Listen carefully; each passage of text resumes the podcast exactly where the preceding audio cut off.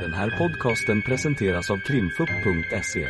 Vi tar med er bakom kulisserna in i rättssalen för en helt unik och öppen lyssning med direkt insyn i svenska rättegångar.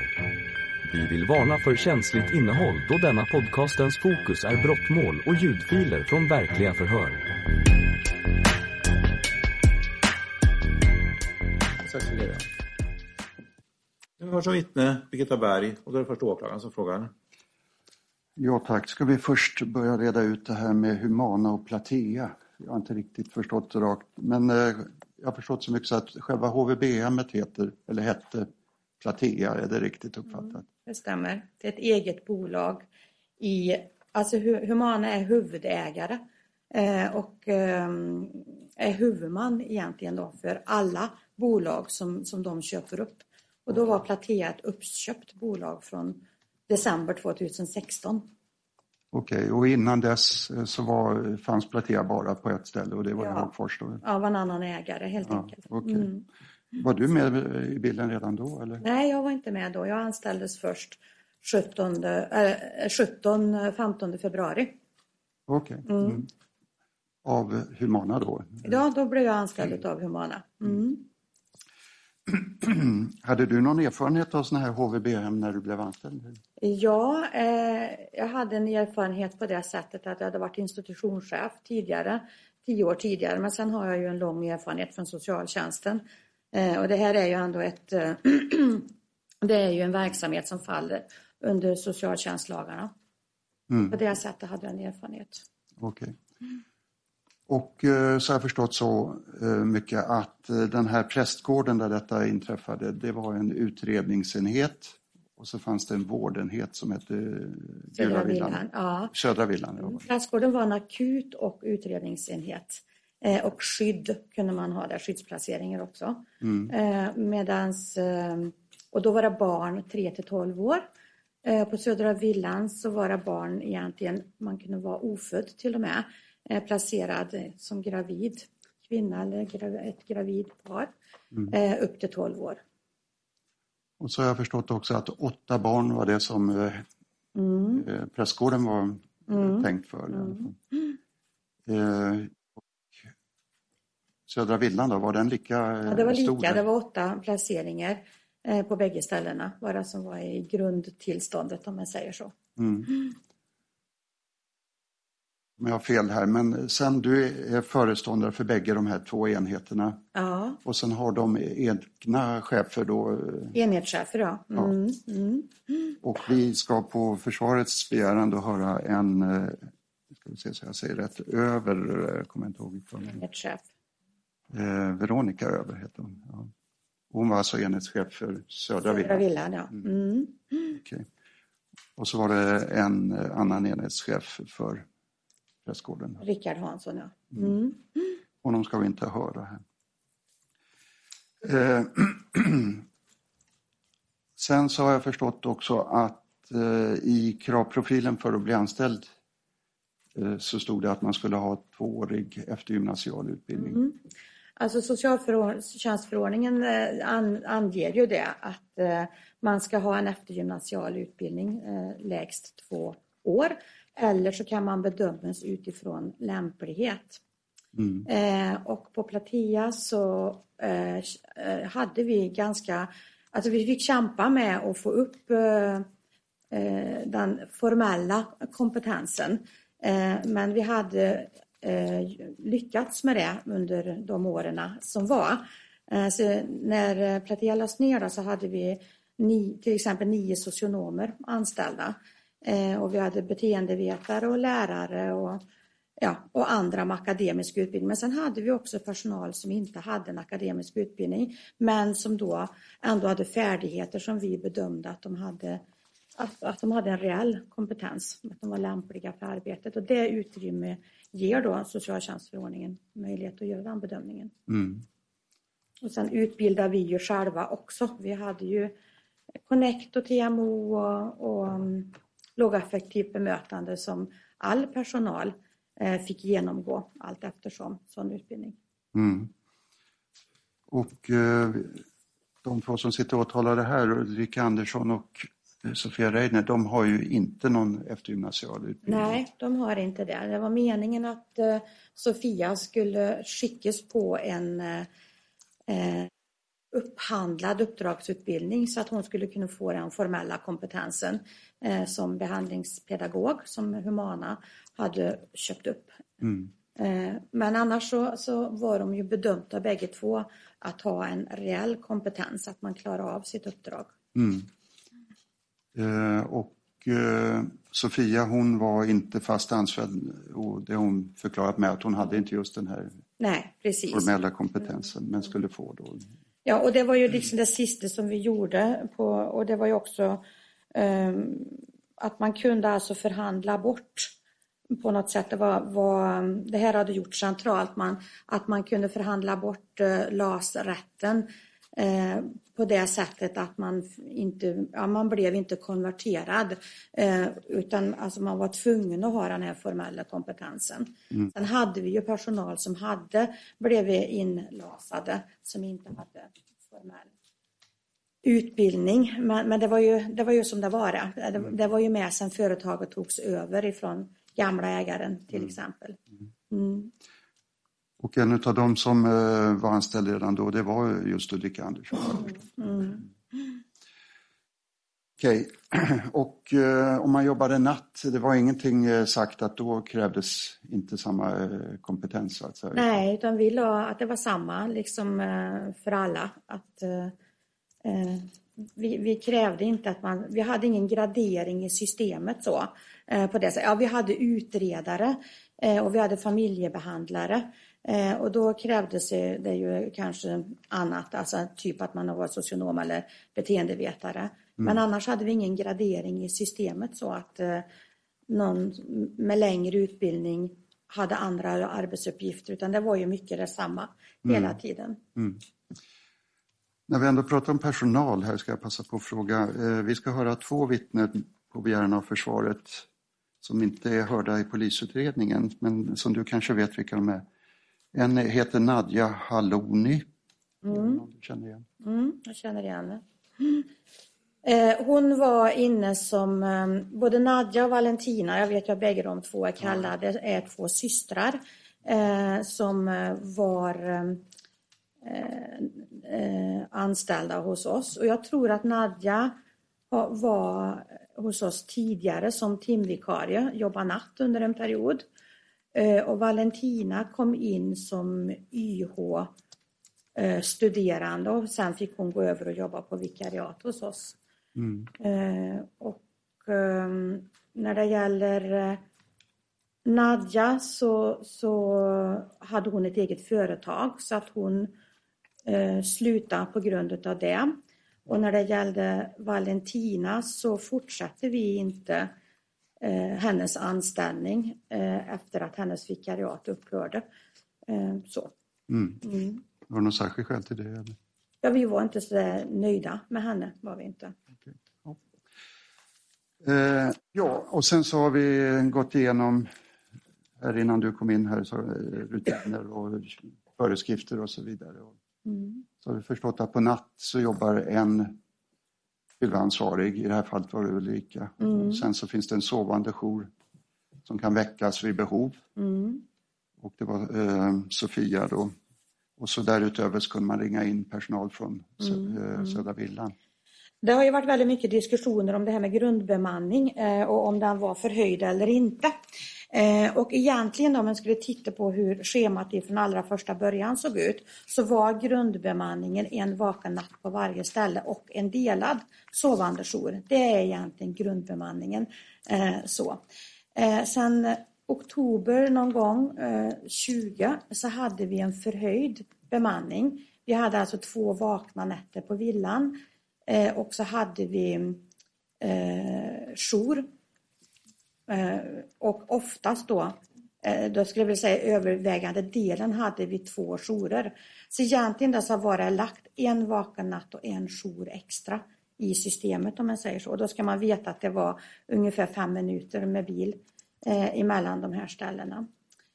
Eh, och den här natten då så, så var det på det sättet att alltså när vi, vi gjorde ju som planeringen för våran personalbemanning vi hade ju väldigt hög eh, personaltäthet. Hade vi. hade ju dagtid nästan en på varje barn. Eh, inte alltid men väldigt ofta så var det på det sättet. Eh, och nattetid då, så, så hade vi ju koll på också vilka som var övernattande personal i verksamheten. Eh, och det var någonting som vi visste för att vi gjorde en planering eh, för varje dag utom lördag, söndag, måndag. För den planeringen gjorde vi alltid på fredagen. Och på det sättet gjorde vi också riskbedömningar. Vad, vad behövs det för någonting? Hur ska vi tänka? Ska vi flytta personal? Behöver vi förstärka någonstans och sådär? Eh, och så visste vi då vilken personal som var övernattande. Eh, så skulle det ha hänt någonting så fanns det alltid folk att plocka ut.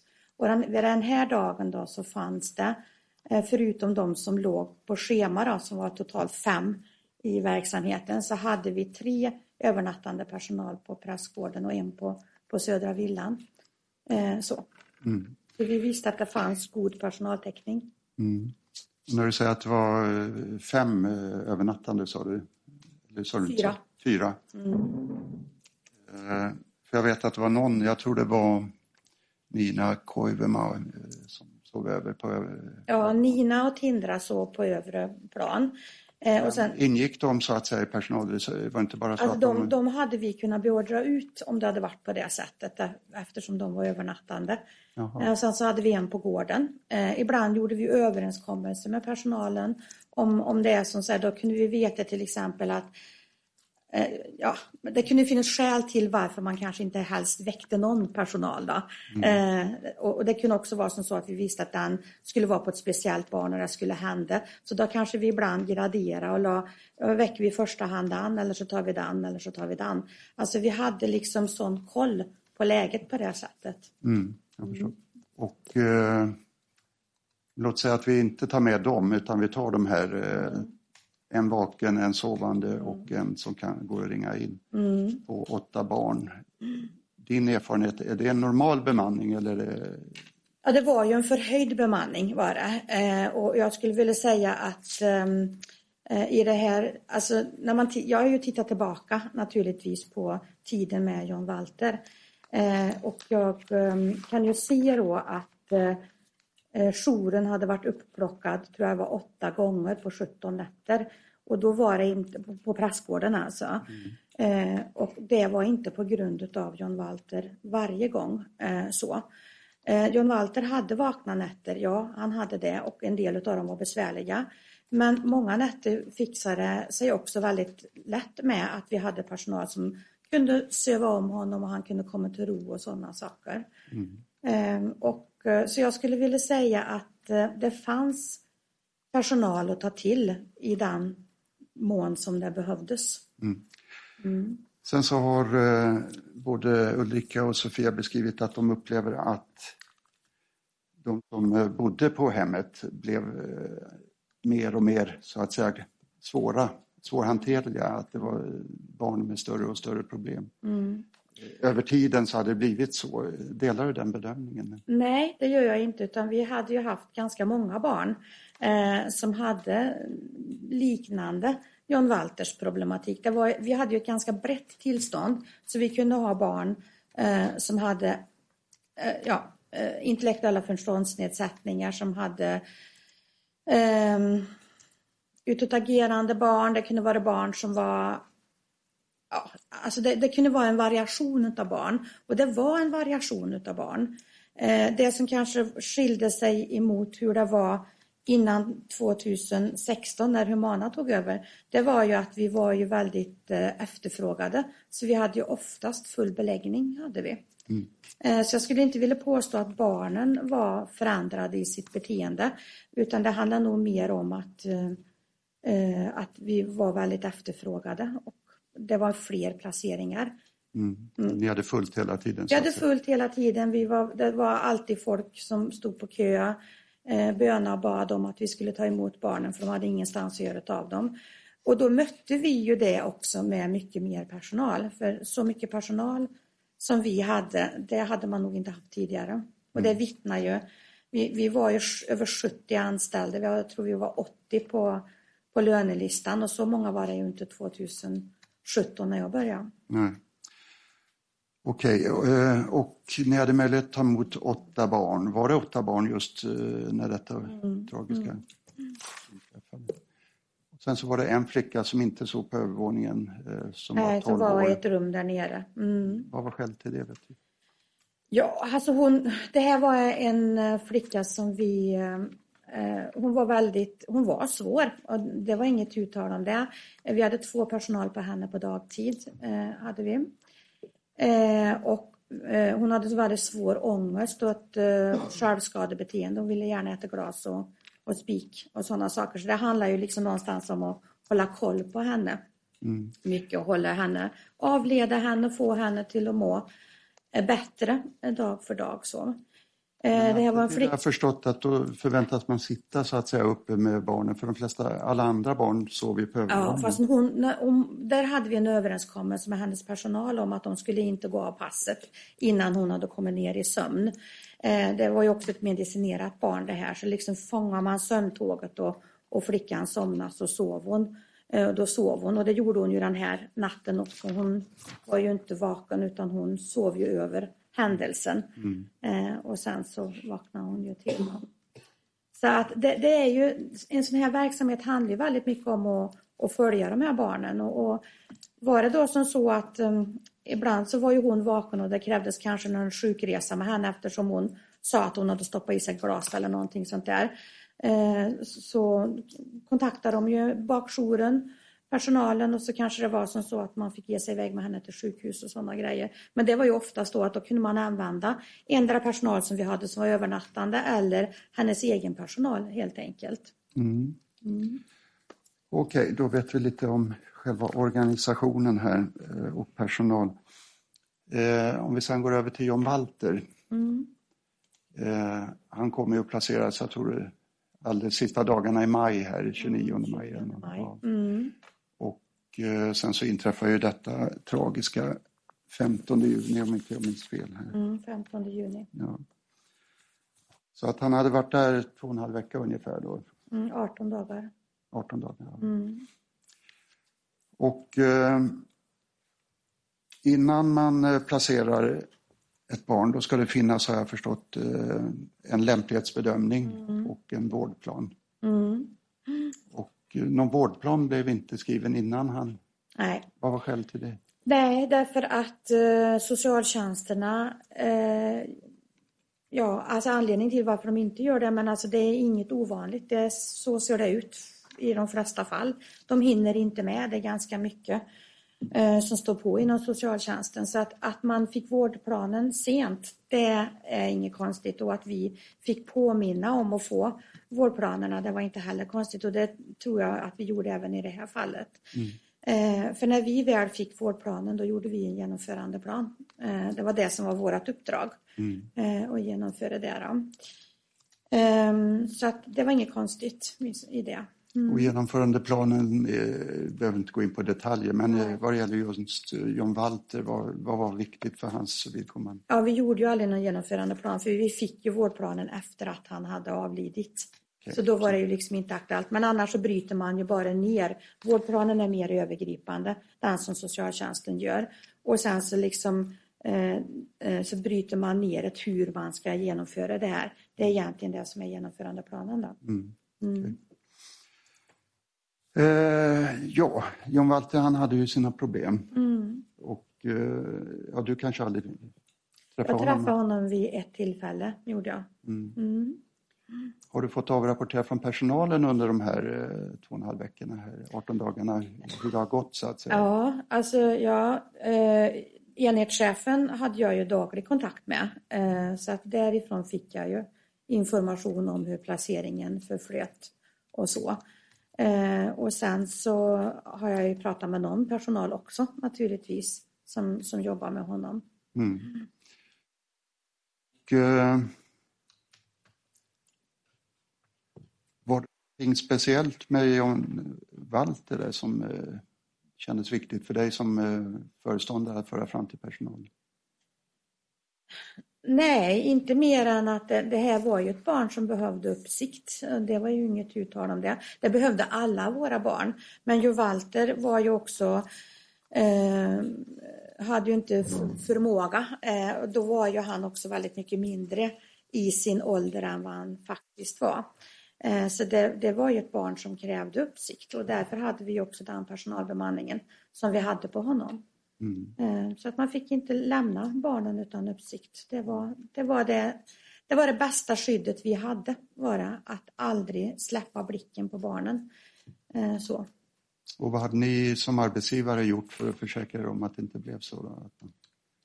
Ja, alltså det var ju ett signum för våran verksamhet att eh, liksom hela tiden medvetandegöra eh, alla om vikten av att aldrig tappa uppsikten. Sen behövde man inte, alltså, alltså att, att man använder de sinnen man har, att man ser och att man hör. Det är ju jätteviktigt. Och när, om man, man kan ju inte vara fokuserad hela tiden på ett barn på det sättet att man är pedagogiska eller behandlande. Det kanske man inte är hela tiden men man släpper inte uppsikten. Och då innebär, och skulle man själv då fysiskt vara tvungen att lämna eh, då är man tvungen att se till att någon annan i så fall eh, tittar till barnet. Så. Sen, sen är ju allting relativt. Jag menar vi har ju barn till exempel som på Södra Villan som cyklar till exempel runt huset. Det är klart att när de var på ena sidan så kunde, då tappar man ju uppsikten. Men då handlar det kanske snabbt att ta sig runt och, och kolla. Men John Walter var ju ett barn som skulle pumpbevakas när han var vaken. Eh, att man hade koll på honom verkligen och inte tappa uppsikten på honom. Varför just? Eh, ja, därför det... att han var så liten i sättet och han var aktiv. Han var ju fysiskt förmögen till att göra väldigt mycket saker. Han kunde klättra på saker, han kunde åka kana på på, på räcket ner till eh, hallen och sådana här saker. Det, han hade ju i sig ett riskbeteende mm. eh, naturligtvis som barn. Så därför var man tvungen att ha koll på honom. Och hur hade ni fört fram det till personalen då, att han måste ja, bevakas? Alltså det fanns, dels så finns det ju i, i lämplighetsbedömningen som är gjord, eh, så, så skrivs det in där. Eh, men framförallt så stod det här i veckobrev, det fanns på vår Facebook-sida. Någon personal la ut väldigt tidigt någon sån här försinkningsåtgärd eh, som man skulle kunna göra på järngrinden så att inte den skulle öppna. Vi satte buntband runt den här trägrinden som det står om eh, överallt. Eh, eh, för att liksom ja, det hade inte stoppat honom som den personalen skriver på vår Facebook-sida. Det, det stoppar hon, inte honom för han tar sig över ändå. Men det kanske försinkar någon sekund så att man hinner i kappen och sådär. Mm. Eh, så så var det och vi hade detta i veckobrev. Vi pratade om det ständigt och jämt. Mm. Eh, överlämningarna som, som var mellan personalen så var ju John Walter det barnet man pratade om. Mm. Och det var inget konstigt att man pratade om John Walter för John Walter var ny och det tar alltid tid innan man lär sig vad funkar, vad funkar inte. Vad kan vi göra? Alltså det hände ju saker efter vägen som vi var tvungna att åtgärda. Vi fick sätta upp en, en skiva för fönstret till exempel för han stod i fönstret så att han inte skulle kunna trilla ut. Ehm, pappan var ju väldigt bekymrad över att han eh, Först så tänkte vi att han skulle ha ett rum som egentligen låg närmare brandutgången. Vi flyttade in honom längre in i korridoren för att ja, han inte skulle ligga för nära där för den kunde man ju öppna och gå ut. Mm. Um, och det fanns andra sådana här saker också som vi, vi gjorde. Han fick inte, på promenader skulle han sitta i kärra till exempel. Uh, det var en säkerhetsåtgärd. Alltså personalen, det tar ju lite tid men personalen var ju tvungen att få se vad kunde man göra. Att man skulle se till att placera sig så att man var uh, hade flykt, ut, flyktvägen, att man var emellan honom och, och dörren. Mm. Uh, så. Det var sånt som var viktigt att tänka på. Jag tittade på en uh, lapp som satt någonstans på kontoret. Mm. Någon anslagstavla. Mm. Vet du vilken lapp jag pratar om? Ja. Mm. Hur kom det sig att den hamnade där? Eh, alltså när, när John Walter kom till oss då, så, så var det en personal som tog kontakt med mig eh, som då sa att, eh, att eh, jag tänker så här och så här och så här. Är det okej okay att jag sätter upp det här? Absolut, sa jag, det är jättebra. Eh, och att det också skulle sitta i hans barnperm. Och det var alltså en extra förstärkning om det här med uppsikten. Alltså uppsikten fanns där ändå som grund.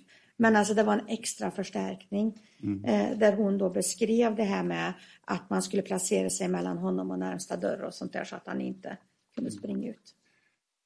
Sofia Reidner, hon har beskrivit att hon, eh, hon har inte sett den här lappen Nej. och Eh, förklarade med att det var fullt med lappar. Det gick inte att hålla reda på alla lappar. Var det så att det var fullt med lappar? Nej, det skulle jag inte vilja påstå. Den här lappen var dessutom, alltså det fanns ju gula lappar sådär, men det här var ju liksom en eget A4 eh, papper eh, som, var, som var annorlunda, som skilde ut sig ifrån de andra lapparna. Eh, så att, eh, nej det förstår jag inte. För den, det är ju också en väldigt, eh, det tar inte mer än 20 sekunder att läsa den här lappen. Eh, så ser man vad det stod på den. Och sen de här permarna, vad jag förstår så fanns det en perm för varje barn. Mm. Och eh, även om man kanske inte hade huvudansvar för John Balti till exempel så förväntas man läsa alla Ja, pärmar? ja. Eller? Vi hade en, en kommunikationsrutin hade vi, eh, för att försäkra oss om att man eh, eh, förstod att man var tvungen att ta del av den informationen som gavs. Eh, Vi försökte ha så enkla eh, vägar som möjligt med kommunikation utifrån att alltså det är ju alltid svårt att ge information och nå fram. Men vi hade, eh, vi hade det här systemet IDOC som vi använde som det var svajigt. Det var inte alltid så att det var fungerande. Eh, hade vi bara lutat oss emot det systemet då, och bara hade haft all information där, då skulle det kunna varit på det sättet att man inte hade fått informationen. Eh, men vi körde med de här pärmarna och vi hade Facebook-sidan och vi hade veckobreven som gick ut varje vecka eh, där det fanns information. Och mail skickar vi också ut. Någon av dem, nu kommer jag inte ihåg vem av dem, eh, som inte hade Facebook. Ja, det var Ulrika som inte hade det. Och då fick hon ett mejl istället, men det fick all personal. All personal fick både på Facebook-sidan om de var med där och via mejl gick Okej, veckobrevet ut i en mejlgrupp. Eh, den här pärmen då som finns för varje barn, Mm. eller fanns, eh, hur pass omfattande information är det där? Är det, Ja, men alltså det var typ såna här äh, rutiner mer, alltså ja men mat och dryck och hygienscheman. ehm, ja, den här liksom mer för den praktiska omvårdnaden om barnen. Men sen så fanns det också då eh, barn som kanske, vi gjorde riskbedömningar runt omkring att ja, men ni får inte åka ensamma med det här barnet i bilen utan ni måste vara två. Eller tänk på det. Eh, det här barnet ska ni göra si och så med. Där vi gjorde olika riskbedömningar. Eh, och då kunde de riskbedömningarna vara i de pärmarna också. mm. eh, här har ju Sofia Reidner inväntat, hon hade ju ansvar för den här 12-åringen som tydligen var väldigt svår. Mm. Eh, och där vården, eller vad det nu var, eh, gick ut på att man i princip satte sig två i en bil och eh, körde runt. Ja, jag åkte med. Mm. åkte med. Mm. Hon säger att hon, därför, av det skälet har hon inte haft möjlighet att kolla någon pärm. Ja, fast jag tänker att det där är, är tror jag inte är riktigt med sanningen överensstämmande för att det finns ju utrymmen även när man är med ett sådant barn eh, att man kunde göra andra saker. Man behövde till exempel inte vara två som natta. Man behövde inte vara två vid tandborstningen. Jag vet via annan personal att Sofia har lagat mat under tiden hon har varit med den här flickan. Eh, eh, så Eh, och då till hela boendet. Så att det fanns utrymme fanns i systemet. Skulle det vilja varit på det sättet att man skulle vilja plocka med sig permer för att läsa, då kunde man ha sagt det till sina kollegor. Jag tar med mig två permer för åker man bil en hel dag och så är det ju en som kör, då kanske den andra kan titta i pärmen om det skulle varit på det sättet. Eh, dessutom så har Sofia gjort fyra journätter under den här perioden. Nu vet ju inte jag om hon har varit vaken eh, i de passerna på prästgården. Men, men eh, då har hon i alla fall arbetstid fram till 11. Eh, och om barnen hade varit nattade till exempel fram till 9 så fanns det två timmar att- titta i pärmarna. Det skulle vara så. Så jag skulle vilja säga att även om det var tufft att jobba med det här barnet, att de var väldigt fokuserade och mycket utifrån verksamheten, så fanns det ändå små stunder där man kunde inhämta den informationen som var viktig. Mm, okej. Och eh, sen har vi sett dina veckobrev. Mm. Och där står det ju som en eh, fast formulering Mm. att eh, glöm inte eh, hålla barnen under ständig uppsikt eller något sånt. Står. Mm. Eh, på möten och sånt som ni också hade, var det någonting som påpekades eller var det bara veckobreven där det stod så? Alltså det var ju så, eh, nu har ju inte jag varit med på alla möten då. Eh, apt hölls ju av eh, enhetscheferna men, men eh, alltså det var så vedertaget i verksamheten att man inte tappade uppmärksamheten på barnen. Så att jag tror inte att det var en fråga på det sättet att man sa det på mötet utan det var så det var. Man fick inte tappa uppsikten på barnen. Det fanns där hela tiden. Eh, ja, sen så när nattpasset går av här, då ska det ske någon form av eh, överlämning antar jag, Mm, mm, till dagpersonalen som går på vid sju. mm. Hur skulle den gå till rent praktiskt och vem skulle göra den? Och egentligen var det hur den vakna natten som skulle göra, ta hand om, om överlämningen. Eh, och så skulle den som hade jour vara med barnen. Eh, så var det. Sen hade vi haft en pandemi eh, och vi försökte ju på olika sätt vi också att begränsa smitta och sådana saker.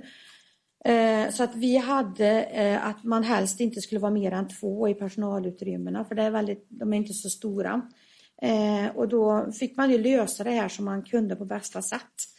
Eh, Man, man kanske kunde sitta i, i vardagsrummet om barnen inte var uppe eller om det gick att, att prata lite avkodat sådär. Eh, Så. För det gjordes egentligen så var ju överlämningen som skulle ske mellan natt till dag. Sen när det gällde planeringen för dagen, det gjorde enhetscheferna med personalen mm, senare, vid typ 8. Okej, så Mm. det som skulle överlämnas för natten det var att eh, John Walter har inte sovit Ja, i, i precis. natt så han Ja. kanske är trött här under Ja, dagen. precis. Det var mer den enklare informationen Mm. som skulle överlämnas. Mm. Och var skulle den göras rent fysiskt? Då?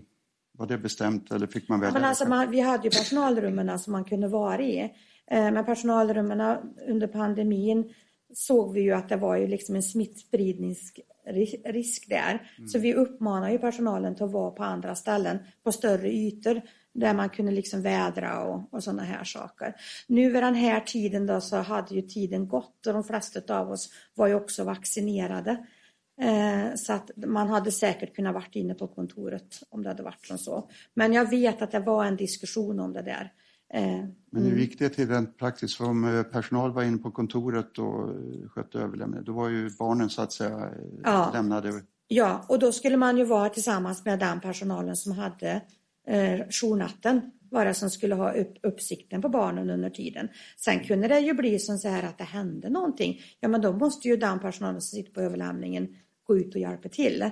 Det, liksom, det bygger ju på det här hela tiden, ett sånt här, en sån här verksamhet, att man måste liksom svara an emot behovet hela tiden. Och vid vilket klockslag skulle överlämningen ske då? Överlämningen börjar klockan sju på morgonen. Okej. I det här fallet så blev ju både Sofia och eh, Ulrika sittande i den här hallen. Mm. Vi har tittat eh, hur den ser ut.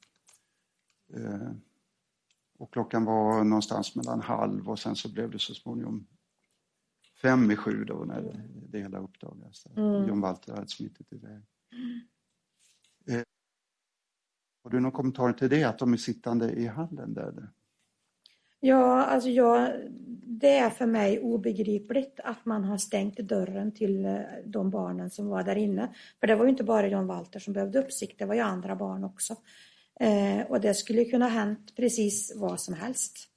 Eh, så att stänger man dörren då ser man ju per definition inte vad som sker. Eh, och, det är inte förenligt med hur vi gjorde med de här barnen. Så det avviker från normalt beteende? Det avviker definitivt ifrån normalt beteende. Okej. Sen eh, har Ulrika sagt också att anledningen att hon satt där på en fåtölj utanför 12-åringen, det var just det skälet att hon var suicidbenägen. Mm. Var det? Och det var inte någonting som vi hade sagt att det skulle vara på det sättet. Att man var tvungen att ha uppsikt, ja. Men om Ulrika då uppfattar det som att det fanns en risk den kvällen som gjorde eh, att hon inte kunde släppa ögonen på det eh, utav någon anledning. Då förstår jag inte varför man inte har tagit ner jouren eller en av de vakna nätterna från, press, från Södra Villan. Det hade kunnat varit ett alternativ. Mm. Okej. Den här altandörren, den har vi sett, den eh, var ungefär som vilken altandörr mm. som helst. Alltså, mm. Med en liten spärr och sen en form av tvåhandsgrepp. Mm. Var det medvetet eller? Alltså, vi har, eh, alltså det var ju en brandutgång eh, och man får ju liksom inte eh, låsa dem och det låset ska ha varit bytt några veckor innan. Vi hade ju ett sånt här brandskyddsföretag som Humana var ansluten till i Prevent. Eh, så att eh, och, och, vi hade gjort om allting med, vi hade fått en sån sprinklersystem med ånga installerat och så. så att, um, Eh, ja, nej men det skulle vara så. De, har, alltså, de hade varit där och gjort översynen. Det var så det skulle se ut. Mm. Nu var det ju en, en sån där äh, tvåhandsfattning eller vad det heter. Så att det skulle vara barnsäkrat. Mm. Men många av de här barnen som vi hade, de klurar ju ut sådana här saker ganska snabbt. Mm. Eh, hur man skulle göra. Jag tycker att det är lite märkligt att han har lyckats få upp dörren och ingen har hört det. För dörren, som jag uppfattar det, var väldigt svår att öppna. Mm. Eh, och det, det, krävdes liksom, gjorde man, puttade man på fel sätt på dörren så, så, så låste de fast sig och då var det inte så lätt att få upp. Mm. Men det är ju mycket möjligt att han lyckas och, och få ett, ett, enkelt grepp ganska tidigt. Mm. Uh, ja, det gör ju naturligtvis att det är extra viktigt att man är i anslutning till en altan, kan man förmoda då, mm. eftersom den går att öppna. Mm. Men eh, även fönstren var egentligen av enkel funktion, mm, bara en sån här vanlig mm. hasp. Vanliga haspar, ja. Vi får ju inte låsa in eh, barnen. Så, så är det. Det, är liksom, det här är ju en ständig diskussion eh, om man skulle kunna få ha larm och sådana här grejer. Men, men får inte övervaka på det sättet när man är en öppen eh, enhet. Eh, så att, eh, ja, nej det är svårt det där. Bara. Mm. Ja, sen så... Det, här, det, står ju varningar på lappen bland annat att uh, John Walter är rymningsbenägen. Mm. Det står inte riktigt exakt så men... Mm. Men det har eh, Ulrika sagt att det har hon i och för sig sett men hon har tolkat det som att han är rymningsbenägen när man är utomhus, att det är då man ska ha uppsikt på honom. Har du någon kommentar till det? Nej, jag vet inte vad jag ska säga om det. Eh, det är klart att han var lika rymningsbenägen eh, när han, i vaket tillstånd. Så det är klart att ett barn som inte hade allting med sig kunde göra saker som var farliga. Så, så det, det har ju inte med om, om, om det var natt eller dag. Nej. Nej. Okay. Sen så har det också berättats om tillfällen när barn har rymt. Mm. Andra barn än mm. de var innan. Mm. Och att det hände, det var liksom inte sällsynt att det hände. Eh, det var inte, eh, det hände, men jag skulle inte vilja säga att det var väldigt eh, vanligt. Utan det, det, kunde vara vissa barn som det var så runt omkring. Eh, däremot skulle jag vilja säga att prästgården, eh, där var det nog mindre vanligt egentligen än vad det var på Södra Villan. Mm. Eh, för Södra Villan var till att börja med mera öppet. Så, och en större gård med mera utgångar som man kunde ta sig på. Prästgården var ändå mera slutet och mera kompakt för det var också mindre, mindre hus, mindre alltihopa, mera lätt övervakat än Södra Villan. Men det kan man ju tolka som att personalen misslyckas med att ha ständig uppsikt och om barnen kan smitta iväg. På det ja, det kan man ju, så kan man ju tänka, men man kan också tänka så här att det här är barn som är det är barn som liksom saknar förmåga, mentaliseringsförmåga, de saknar förmåga att eh, härbärgera sina känslouttryck och jag tänker att de flesta av oss ändå stöter på att vi har barn som ibland blir arga och säger nu tänker jag rymma och nu går jag och sådana saker. Och det gjorde de här barnen också. De kunde bli osams om att eh, någon cykel, att det var jag som hade den här cykel först och så blev de arga och så gick de. Eh, och, och, då kanske de stövlade iväg och, och ner emot samhället. Eh, sen kan man ju säga att om det är att rymma eller om det är ja, en del i ett normalt beteende egentligen hos väldigt mycket barn. Att det är så det kan se ut. Mm. Mm. Eh, sen har vi ju sett att eh, själva stängslet och Mm. skalskyddet eller vad vi ska säga då, att det lämnar en del i övrigt att önska. Det var ett hål i staketet ut mot Mm. eh, den trafikerade genomfartsleden och den här grinden eh, hade en klyka som inte gick att stänga Mm. och, så, och så vidare. Var, varför var det så? Ja, varför var det så? Eh, alltså, eh, jag tänker så här att eh, den här trägrinden, den låg väldigt gömd in i häcken. Jag såg den för första gången eh, sommaren, sensommaren 20. Eh, jag visste inte om att den fanns, för inifrån så syntes inte den grinden överhuvudtaget. Eh, utifrån däremot så, så såg man ju den då. Eh, och då på hösten eh, 20 så hade eh, vi en, eller vi hade en personal som också var snickarutbildad som iordningställde den grinden, reparerade den och gjorde i ordningen. Eller han byggde egentligen en helt ny grind där. Eh, sen har jag ju sett nu då i, i förundersökningen att det, ja, det var en, en spjäla bort i den och, och låset låg i gräset. Och sånt. Det var ingenting som jag kände till. Det var ingenting som har framkommit till mig att den var trasig. Det är ingenting som har skett i de, eller lyfts upp i de skyddsronder som vi hade haft på stället.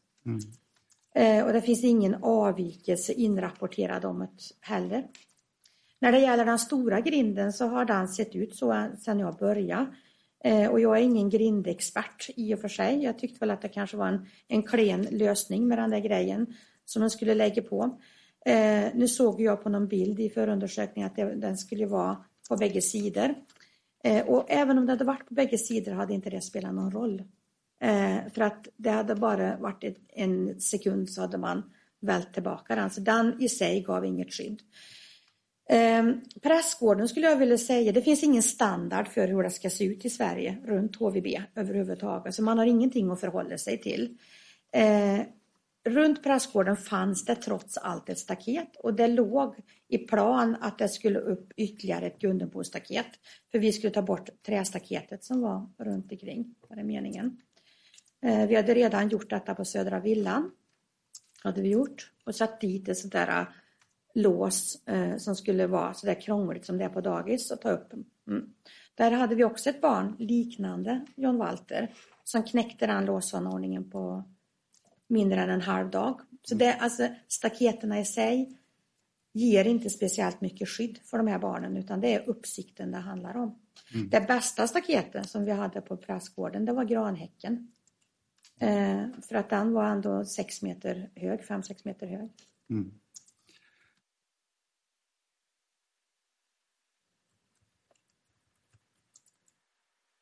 Ja, då tror jag jag har fått svar på mina frågor så jag är nöjd där. Mm.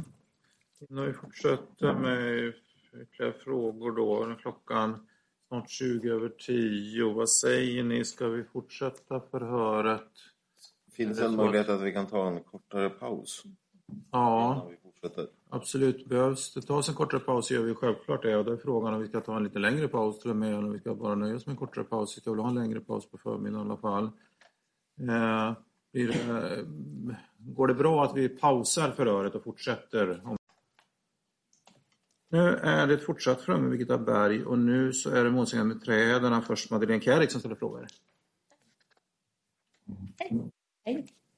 Jo, jag blir kanske lite tjatig, men jag ber om ursäkt. Skulle du kunna berätta för mig, hur gör ni lämplighetsbedömning när ni anställer personal om man saknar den formella utbildningen? Eh, ja, det kan ju se lite olika ut men, men eh, för det första så behöver man ju ha en eh, intervju naturligtvis. Eh, så. Eh, och eh, ja, det är ju i den då så får man ju naturligtvis då ställa frågor eh, vad den här personen har för lämplighet och utbildningsbakgrund och ja, alltså vad är det man, man letar ju efter någon form av eh, eh svar på varför den här personen skulle kunna klara av att eh, eh, vara behandlingsassistent på det här stället. Eh, så det, det är ju en anställningsintervju eh, och sen så tar man ju då referenser. Eh, så. Eh, man behöver få in ett eh, registerutdrag som visar om man är dömd för någonting. Och då kan det ju vara som så här att man skulle ju kunna vara dömd för någonting och skulle ändå kunna få, få en anställning eller timanställning. Då. Så.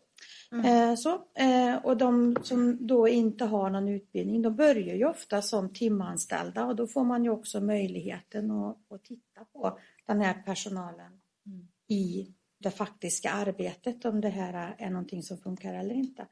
Mm.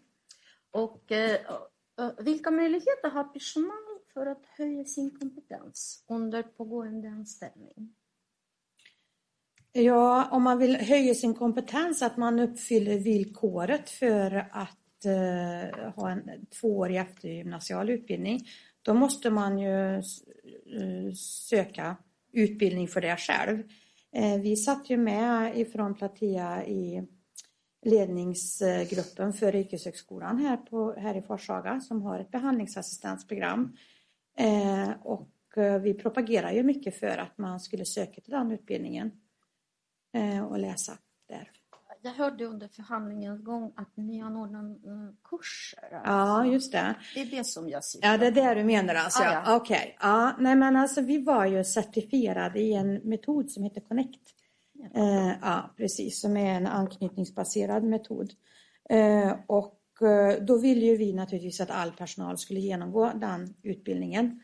Eh, och eh, det, det jobbar vi ju för hela tiden. Eh, att det var som så. Vi hade haft väldigt många som redan hade gjort det. Mm. Eh, sen hade vi ju traumamedveten omsorg eh, också. TMO och det ville vi också att personalen då skulle genomgå. Och sen även lågaffektivt bemötande. Det var liksom de tre benen. Sen hade vi ju andra utbildningar också. Vi hade kriminalitetsprogram som var längre utbildning.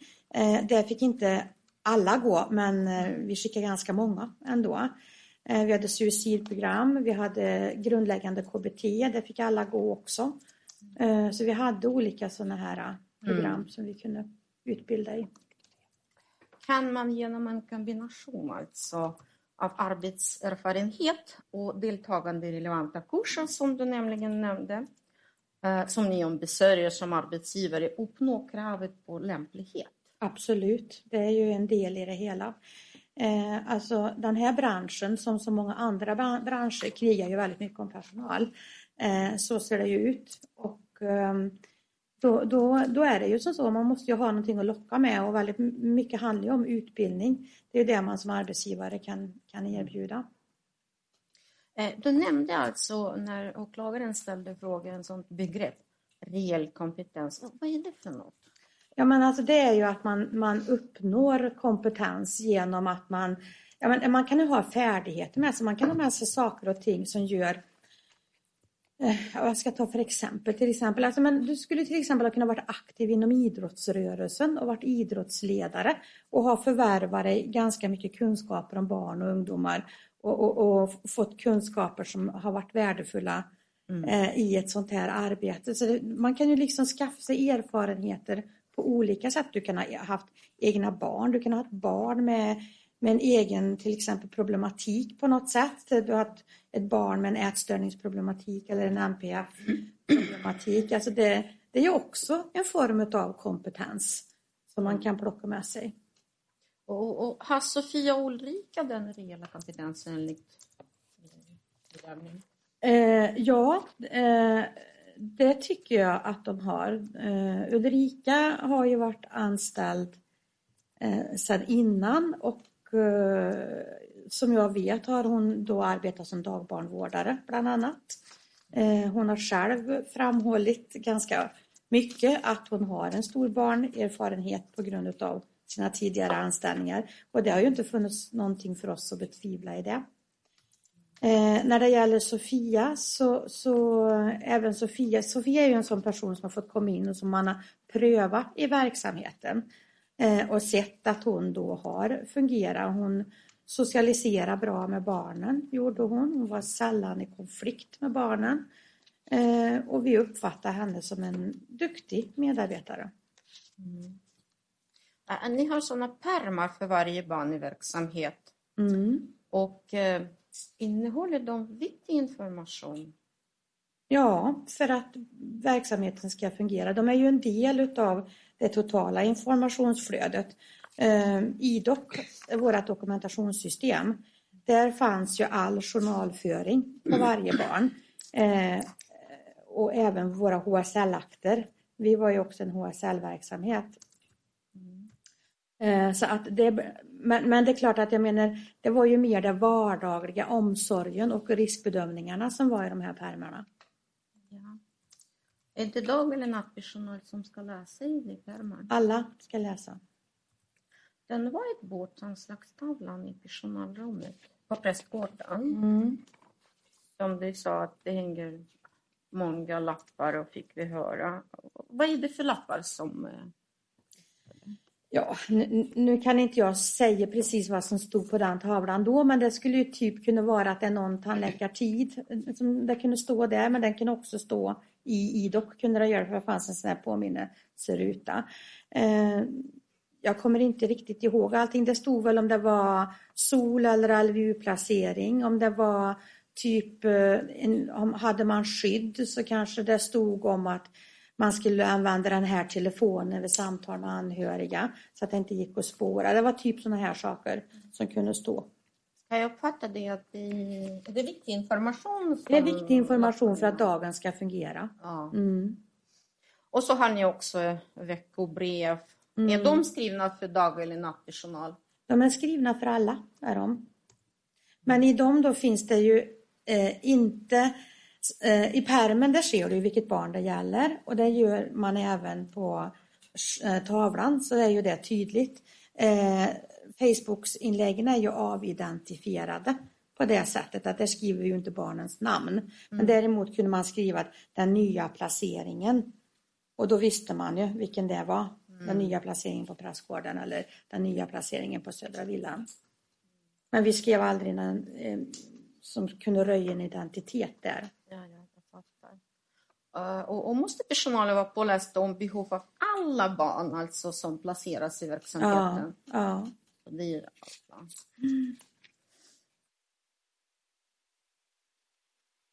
Eh, Ställer ni samma krav på dag och nattpersonal om att de ska skaffa ett ordentligt bild alltså av Ja, barn? ja, det är ingen skillnad. Mm. Men varför ska nattpersonalen sovande jour läsa om alla barn om de knappt ser dem?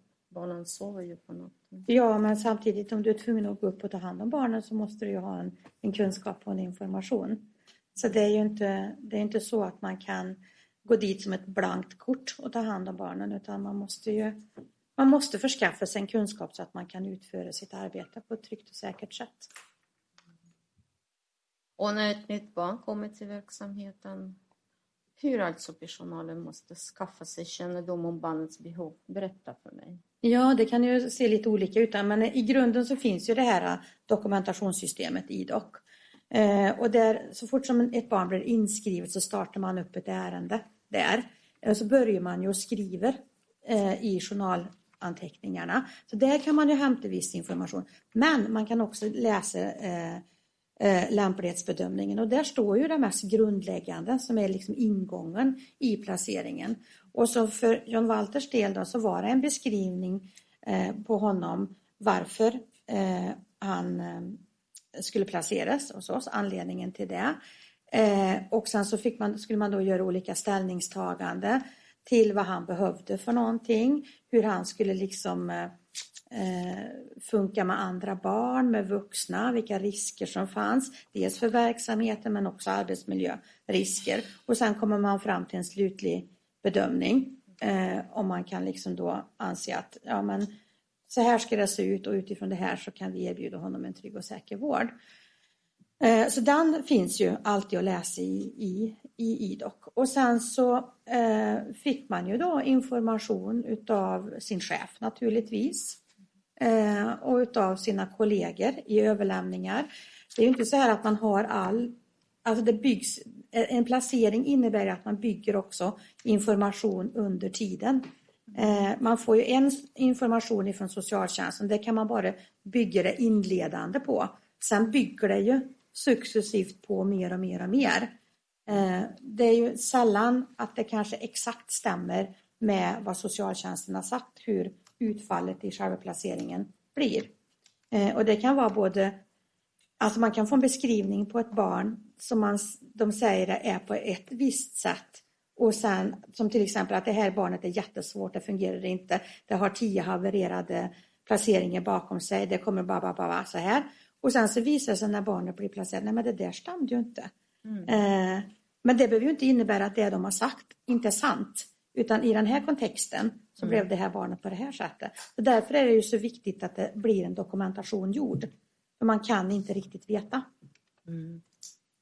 Och hur snabbt måste personalen göra, alltså skaffa information? Ja, är du i tjänst och ska jobba så måste du införskaffa den informationen. Eh, så är det.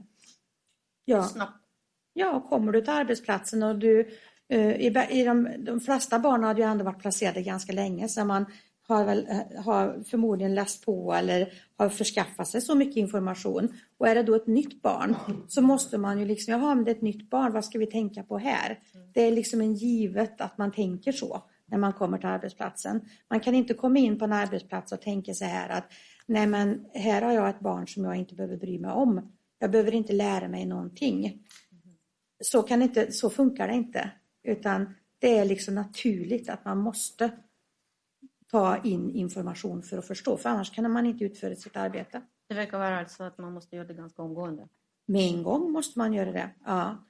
Man måste ju liksom, sen är det ju liksom naturligtvis att när du kommer innanför dörren så kanske inte du slänger dig på pärmen utan du kanske pratar med en kollega först som berättar ja, vi har fått en, ett nytt barn här och det är så här och så här. Ja, men då har man ju fått lite information och sen så kanske man bygger på. Eh, ja, men då kanske jag ska gå in och titta i pärmen till exempel. Mm. Mm. Får personalen låta bli att läsa i pärmen på anslagstavlan och begränsa sig till muntliga uppgifter från kollegorna? Nej, absolut inte. Uh, och vi har en, en, mycket tydlig, eller hade en mycket tydlig kommunikationsordning uh, hur saker och ting skulle kommuniceras. Och att, att alla förband sig till att och, och, och, låta sig bli informerad utav de informationskanaler vi hade. Det ingick i arbetsuppgiften. Mm. Mm. Om nattpersonal alltså, och nattjour har inte skaffat sig ordentlig kännedom om John Walter särskilda egenskaper och behov. Och det har gått nästan tre veckors period. Är det rätt agerat enligt era rutiner? Nej, det är inte rätt agerat. Och, uh, um, alltså, uh, den ordinarie, eller den vakna natten hade arbetat fem pass eh, med John Walter. Eh, så då tänker jag att eh, det är jättemånga pass där man verkligen tar in information. Mm. Jouren hade arbetat fyra jourer. Så det fanns alltså, det finns i tid. Och skulle man av någon anledning inte klarat av det, ja men då ser man till och, plockar in eh, till exempel jouren ifrån Södra Villan. Och så hade man sagt så här att ja, men nu måste jag läsa på det här eller jag måste fixa den här dokumentationen. hade man tagit hjälp. Eh, eller så hade man pratat med sin chef och sagt det att eh, eh, jag har uppfattat det så på det här sättet att jag utav olika anledningar inte kan ta den här informationen. Vad ska jag göra? Eh, det är också en dialog som man ska ha med sin chef. Så orsaken till att inte läsa pärmen vår tidsbrist. En tidsbrist som innebär att personen rent fysiskt alltså inte hinner att läsa på. Eh, eh, är det ett ansvarsbefriande grund i dina ögon? Nej, det är det inte. Utan då är ju ansvaret att man kommunicerar det med sin chef i så fall. Om man inte klarar av det så ser man till att eh, och, och skulle chefen av någon anledning inte lyssna, ja då gäller ju farfarsprincipen, då går man till nästa chef. Eller så lägger man in en avvikelse i avvikelsesystemet. Mm. I de interna handlingar eh, var det angivet att John Walter var rymningsbenägen. Stämmer det? Mm. Och, och vid det konstaterat rymningsbenägenhet hos ett barn. Tar ni inom verksamheten på full allvar den udda och livsfarliga benägenhet? Att vi tar det på allvar, ja. ja. Gör ni det? Mm.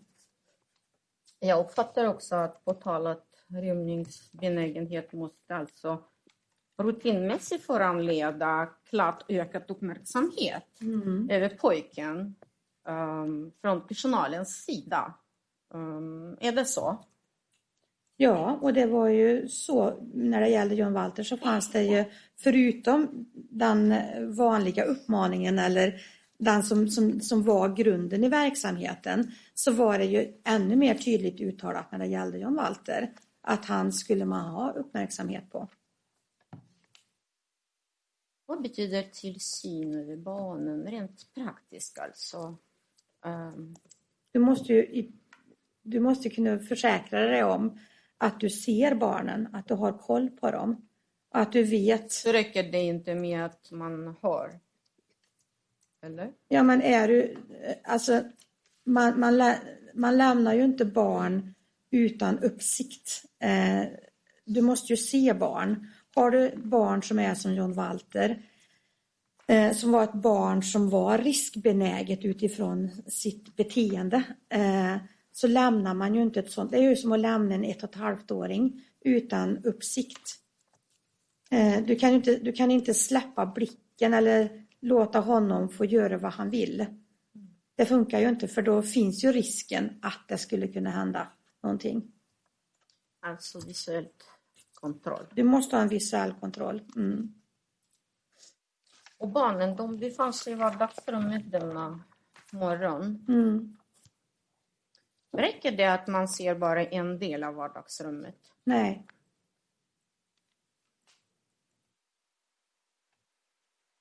Som rutin att lämna barnen utan tillsyn. nej. Men om personalen alltså är bakom dörren, som ibland öppen, ibland stängt. Barnen är ju utan tillsyn när dörren är stängd. Är, är det okej rutin? Nej, alltså det var ju ingen, det var inte ett okej eh, sätt att göra. Eh, och jag vet egentligen inte motivet till varför två personal var tvungna att sitta i hallen. Hade en personal suttit inne i vardagsrummet eh, så hade ju det här kunnat förhindrats. Och idag, med facit i hand, har personalen uppfyllt sitt ansvar för tillsyn över de valten denna morgon? Nej. Tack Birgitta, du svarade.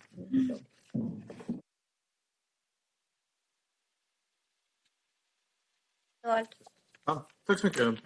Då fortsätter vi med Katarina Wikner. Ja, tack. Jag har också lite frågor till dig.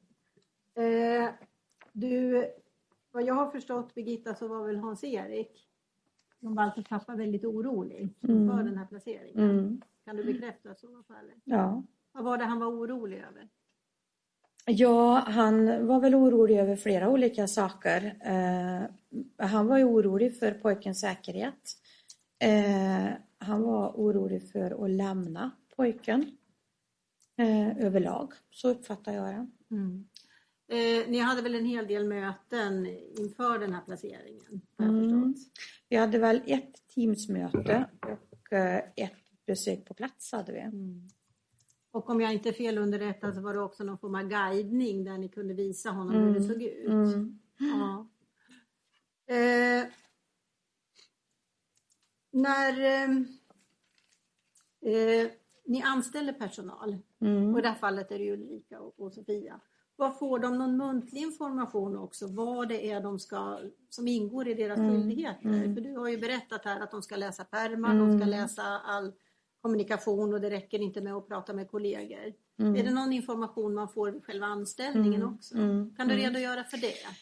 Ja, man får, eh, alltså vi hade ett ganska stort dokument eh, som beskrev verksamheten i sin helhet. Och där ingick det allt ifrån ja, alltså sekretess till eh, rutiner till eh, hur man rapporterar tillbud, alltså allt, eh, avvikelser, allt liksom. Ett jättestort dokument, kanske på en 20-25 sidor. Mm. Det fick man. Mm. Och, och är det någonting som man går igenom eller förväntas den här... De förväntas den anställda läsa på egen hand. Blir man tillsagd att man måste läsa? Ja, precis. Ja. Skedde det, var det också någonting som skedde när Ulrika och Sofia anställdes? Ja, alltså det, jag, det vet inte jag, kan inte jag svara på, för att det har jag, men det med största sannolikhet. Var för det det dokumentet fanns eh, redan innan jag började. Så det var någonting som vi bara tog över ifrån Mm. Platea-tiden. Mm. Mm. Så det ska ha funnits? Det ska de ha, Och vad ha går det fått. ut på så att säga, förutom det här med om vi tänker mer på, på vad som inträffade John Walter, så att säga, med säkerhet och så. Är det någonting speciellt med avseende på säkerheten för barnet i det Eh, här dokumentet? Åh, jag kommer tyvärr inte ihåg det. Det är så pass stort där. Mm. Ja, det minns du inte? Nej, jag gör Nej. inte det.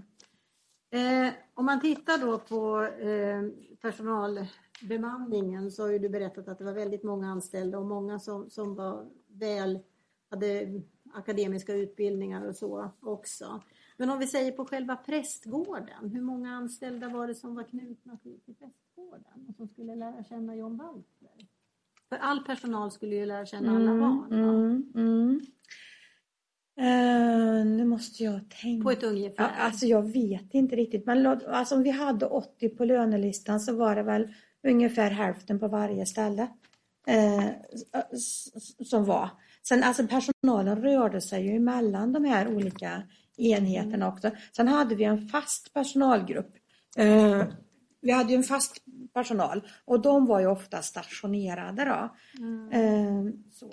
Så att, ja, jag, jag kan inte tyvärr, det skulle jag behöva sätta mig och titta på. Ja, jag. Mm. Jag tänker att alla barn mår, ja alla människor mår ju bra av att ha fasta kontakter. Mm, mm. Och när det gäller barn som kanske har speciella svårigheter så kanske det är ännu viktigare Mm, att man får ha en anknytning Mm. till vissa personer. Och det försökte vi att sträva efter, att det skulle bli på det sättet. Att vi satte ju ett team runt varje barn. Så. Eh, Mm. mm. Och, och om jag inte är fel underrättad så var ju tanken den, och det var väl något som fick betalt för också, att John Walter skulle alltid ha två stycken. Ja, han skulle ha en personal och sen skulle det finnas en varvningsfunktion. Skulle det vara. Och vad innebär en varvning? Ja, det att vi hade en personal till som var liksom tillgänglig. Ändra så var ju den personalen med John Walter eller så, så eh, fick man byta ut in emellanåt. Fick man göra. Men det innebar inte att det var två som hade koll på honom? Nej, inte hela tiden inte. Men eh, nä, nä, det var nästan så ändå bara. Mm. Mm. Mm. Var det uppenbart för, för personalen och de som arbetar där? Och jag tänker då, du nämnde ju hur mycket Sofia hade jobbat, vilka pass och, och hur mycket Ulrika hade jobbat. Mm. Borde det ha varit uppenbart för dem tycker du? Inte bara genom att de skulle läsa, men att de såg Ja, på vilket sätt han ja, ja. Alltså har man den här, som jag ändå vill pås- påstå, då, reella kompetensen som vi ändå har bedömt att man har, då har man också förmågan att läsa av det. Mm. Eh, Och det menar du att båda ja, Sofia och Ulrika, Ja. de hade den kompetensen? Mm. De har ju jobbat med den här typen av barn tidigare. Mm, båda två? Mm. Mm. Du sa också, noterade jag om jag inte missuppfattade dig Birgitta, att du sa att det fanns en perm för varje barn och man förväntades läsa det. Och det fanns en kommunikationsrutin för att försäkra sig om att de tog del. Mm. Det är inte en sån som man skriver på, är det inte, utan det, var jag en rutin. Ja. Vad betyder Mm. det? Ja, men alltså där, där, där hade vi den här tågordningen, vem man pratar med i systemet för att man inte skulle eh, hamna fel. Alltså att, att eh, det var väldigt tydligt angivet vem, vem man gick till i tågordningen för att inte information skulle tappas bort. Eh, så. Eh, så det hade vi. Mm. Nu tror jag inte jag förstår riktigt vad du menar. Info, vadå för tåg? Nej, men alltså, I första hand så vänder man sig som, som man, man pratar ju med sin kollega om det är någonting man överlämnar till kollegan. Till exempel så var det väldigt noga med eh, när vi läm eller vi kan ta en så enkel sak som när vi lämnar barnen mellan skolan och oss. Så var det väldigt noga att man försäkrade sig om att barnet var ordentligt överlämnat. Och varför det var viktigt, det var ju för att vi upptäckte att vid något tillfälle så gjorde man inte det Och då kanske man släppte iväg ett barn ifrån skolan och sen Mm. så visste inte vi vart barnet var. Eh, Sådana saker, alltså det var så noga hela tiden. Det var detaljstyrt, Det var detaljstyrt var det. Mm. Mm. Eh, och eh, om jag säger så här att eh, från, från eh, försvaret så att säga, från andra sidan så, så har man ju då menat att man har påtalat för ledningen Mm. att eh, situationen har varit ohållbar, att vi klarar inte av det här, det är alldeles för svåra barn och vi hinner inte med. Mm. Är det något du känner igen? Nej, Det är, ingen, det Nej det är ingenting som har kommit till min kännedom. Nej. Mm. Så det, det, det var ingen information som Nej, du har fått nej. Och det har inte heller kommit fram i skyddsronderna som vi har gjort. Mm. Eh, vi hade vårt skyddsombud var anställd på prästgården. Ingenting i kommunikationen med han heller Mm. om att det var en ohållbar situation.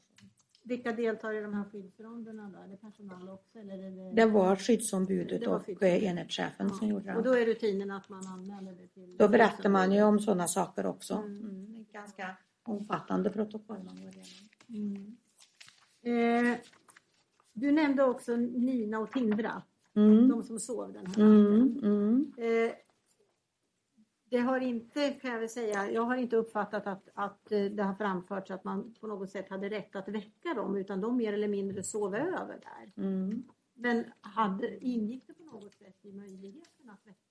Ja, för att vi har ju rätt att beordra ut personal om det Hur skulle går man så. tillväga då? För annars är det väl så Mm. att man skulle ha kontaktat Ja, ja, då ringer man. Ja, just det. I första hand så I ringer man hand, ju jouren på Södra Villan och så plockar man ju över endera jourpersonalen eller om den vaknar natten åker. Ja. Det har inte någon Mm. betydelse i sak. Mm. Eh, sen om det nu skulle hända någonting som man behöver ha ut mer personal Mm. eh, och ska man formellt då gå efter nattrutinen, säkerhetsrutinen, då ska man ringa till chef i beredskap, för det hade vi alltid.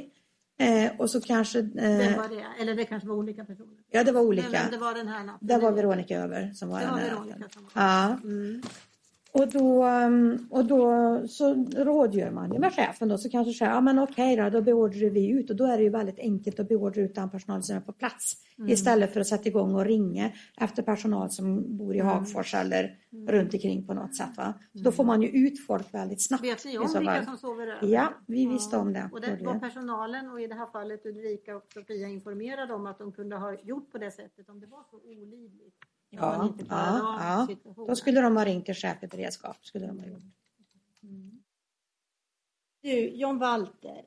Kunde han öppna den här altandörren inifrån tror du?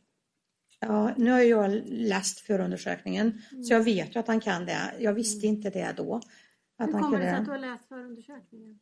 Ja, det är utav intresse naturligtvis Mm, Så eftersom du jag vet vad alla har sagt? Ja, in, ja, jag har inte läst precis allt har jag inte gjort men en del saker vet jag ju. Mm, mm, Eh, och jag vet att det finns personal nu som har berättat om att han kunde öppna dörren. mm. För jag tänker att du har gett uttryck för den uppfattningen när polisen hörde dig redan den 16 juni dagen Mm. på och då hade du ju inte läst någon förundersökning. Nej, då hade jag inte gjort det. Det Nej, ingen. nej. Men är det, om vi säger så här, din uppfattning innan du läste förundersökningen, Mm. var det den att barnen generellt sett kunde öppna den här? Nu, nu kommer jag inte ihåg vad jag sa men eh, jag tror inte eh, jag vet faktiskt inte, Nej, för den var svår inte. att öppna. Den var Ja, jättesvår att För öppna. att det här är förhöret Mm. som sagt var jag hållit med dig den Mm. 16 juni Mm. och det börjar på sidan 167 och eh, det var ett förhör som hölls på Plateas huvudkontor. Mm. Mm. Eh, och eh, vi går till sidan 160, 170. För där fick du frågan, kan barnen öppna altandörren inifrån? Det är lite mitt på sidan. Och där har polisen, det är ett dialogförhör så vi får väl tro att de har skrivit rätt. Och där står det, ja det kan de. Ja.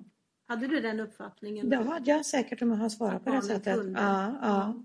Kanske utifrån att det var en eh, branddörr då. Eh, men den var väldigt svår att öppna, det var den. Men Mm. det är klart, ja. De, Men sen fick du följdfrågan, kunde John Walter öppna altandörren? Jag tror han kanske kunde öppna den. Mm. Mm. Och då tänker jag så här, borde inte alla då som jobbar med barnen vara medvetna om att det här är en risk, den här altandörren också? Jo, precis som alla andra dörrar. Ja. Mm. För alla dörrar gick ju att öppna inifrån och ut. Mm. Vet du om John Walter, han var rymningsbenägen har du ju sagt, men vet du om han har försökt rymma hos er tidigare? Ja, nu blir det återigen det, vad kan jag ha sagt då? Om jag visste det då vet jag ehm, ehm, jag tror inte att han hann att rymma. Nej, Men han var nog på gång, tror jag, Ja. och sprang åt olika håll. Men jag tror inte att han har rymt. Nej, men om man har försökt. Ja, alltså rymma, rymma, smiter iväg skulle jag vilja säga. Ja. För jag lägger något annat egentligen i ordet rymma. Ja. Då vill man ifrån. Jag tror att han mest sprang. För han ville springa. För återigen samma förhör, på Mm. sidan 170 så får du den frågan. Det är långt ner på sidan. Mm. Eh, och då står det i tredje, ja, långt ner på sidan att han har försökt att rymma hos oss tidigare men har inte lyckats. Så kan det säkert ha varit. Den här informationen då, att han har försökt rymma tidigare, det är någonting som kommer personalen till del som de vet om det. Men jag tänker att de pratade om det på överlämningarna. Eh, hur dagen hade varit och jag kan tänka mig att han sprang lite, det här är ju bara mina spekulationer, att han sprang lite fram och tillbaka. Jag kommer ihåg när Jan, Jan-Erik, eller Hans-Erik var hos oss och, och jag pratade med Hans-Erik, då sprang han iväg och, och upp till övervåningen och blev borta en liten stund. Eh, Och då sa jag till Hans-Erik att nu får du nog gå efter. Så han sprang ju ur synhåll. Eh, Det tror jag var ganska vanligt att han gjorde så. Mm. Ja tack, jag har inga ytterligare frågor för tillfället. Mm. Då tar vi frågan Sofia Möller. Ja, tack. Hej. Nej. Eh, vi går lite tillbaks till början av frågorna tänkte jag. Eh, jag förstod det som att du har varit föreståndare eh, på Platea då, sedan 15 februari 2017. Det stämmer. Ja. Och så hade du varit på någon institutionstjänst. Vad var det för institution innan? Ja, det var tio år tillbaka inom gryning. Och vad är det för något? Det är ett eh, kommunalt ägt eh, vårdbolag i Västra Götaland. Eh, för vuxna eller? En barn. barn? Och vad har du för utbildning? Jag är socionom.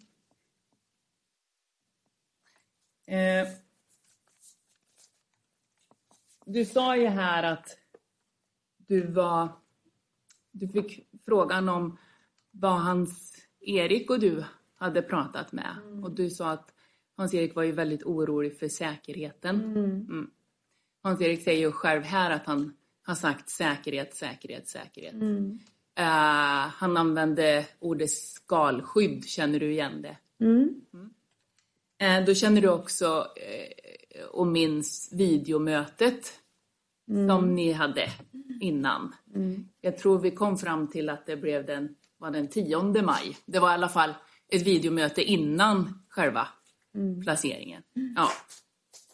Minns du vad du själv tog upp där vad det gäller bristerna i den fysiska miljön och säkerheten?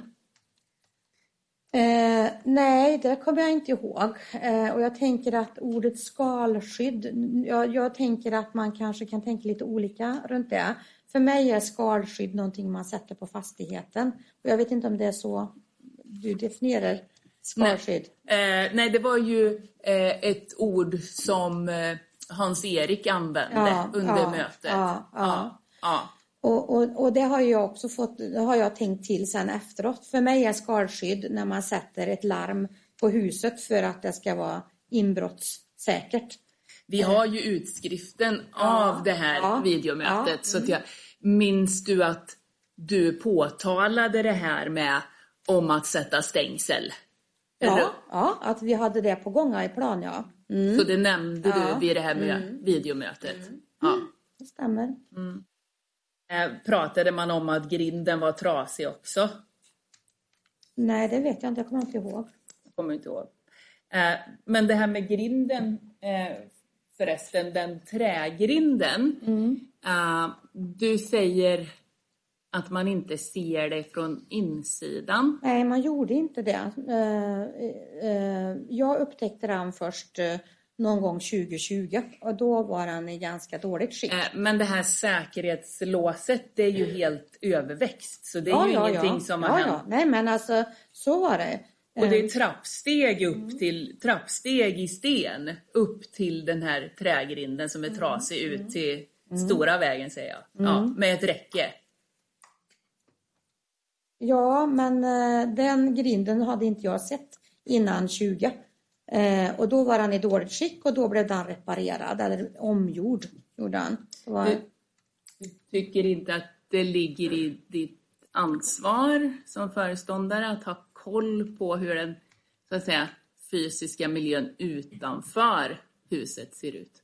Jo, men det gör det ju absolut. Men, men samtidigt också så är det ju som så att eh, Eh, det kan ju ha hänt saker och ting och får man ingenting veta då är det ju svårt att veta eh, om, om, om det är förstört eller ja, så. så det, det, och vi hade haft skyddsronder hade vi haft som hade tittat över det här och det var ingenting som hade framkommit. Den dagliga driften den svarar ju enhetschefen för. Eh, och eh, skulle det vara som så att någonting var trasigt eller att det var någonting som var i oordning, då, då är det ju liksom till närmaste chefen som man anmäler det. Så du menar det är Rickard Hanssons ansvar? Alltså i första hand så var det ju faktiskt hans ansvar. och sen tänker jag att i och med att vi hade skyddsronder, vi hade två gånger om året, även om rutinen angav en gång om året, så var det ingenting som hade framkommit i skyddsronden av att det men det finns ju upprepade eh, kritik och beslut ifrån IVO om, finns om bristande... ingen upprepad kritik och beslut ifrån jo, IVO? om, om eh, bristande lämplighetsbedömningar och då påtalar ja, man säkerheten, inte, den fysiska säkerheten. Ja, fast den, där är lite fel för att eh, när det gäller det som, om du pekar på säkerheten och diskussionen så handlar det om Södra Villan, gör det.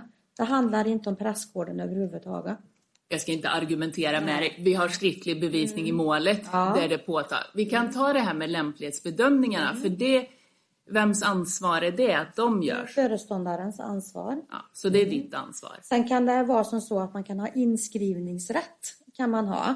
Mm. Och då innebär det att då får Men... man göra lämplighetsbedömning även om man inte är föreståndare. Och då hade vi eh, tre enhetschefer som hade inskrivningsrätt. Men det är du som har skrivit in John Walter? Det är jag som har skrivit John Walter, ja. Mm. Hur tänker du på och kring IVOs upprepade kritik på att det är bristande lämplighetsbedömningar som görs? Mm. Och det här handlar ju om olika saker. Det handlar om att den första eh, kritiken som vi får, jag kommer inte ihåg vilket datum det var, eh, så körde vi dubbla system. Dels hade vi IDOC som man kunde starta upp placeringen i och sen så gjordes eh, de här eh, lämplighetsbedömningarna pappersmässigt. De var i innehållet ganska dåliga. På den tiden så var det enhetscheferna som gjorde lämplighetsbedömningarna. Eh, vi fick påpekande på det och försökte att rätta till det här på olika sätt. Det blev inte så som vi hade tänkt oss. Och Eh, 2019 så gjorde vi om rutinen helt och hållet så att alla lämplighetsbedömningar gick igenom mig. Ja. Eh, och då var alla beaktanden som då krävs enligt lagen gjorda. Eh, och i IVOs sista tillsyn så pekar man på tre stycken barn. Två barn var inskrivna 2019 och ett barn var inskrivet i början på 2020. Där beaktandena enligt lagen var gjorda.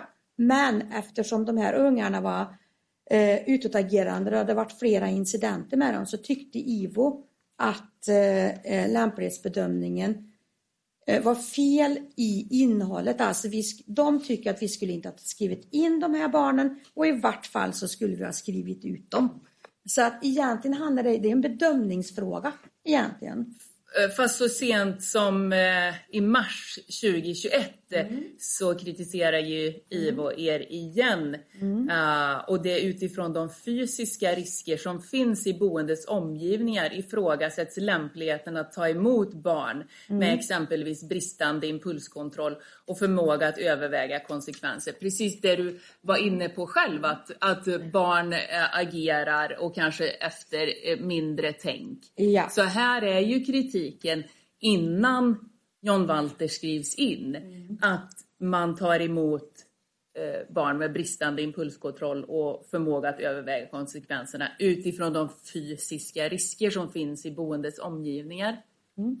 Och det, det, här är liksom ett svar, alltså, nu ska vi också veta att 21, det var ju som så här att IVO hade alltså bedrivit den här tillsynen på Platea för händelser som hände 2019 och i början på 2020. De hade alltså haft drygt ett år på sig som de hade gjort den här tillsynen. Och varför de hade en så lång tillsynstid, det var för att IVO själva tyckte att det här var väldigt komplicerat och det var svårt.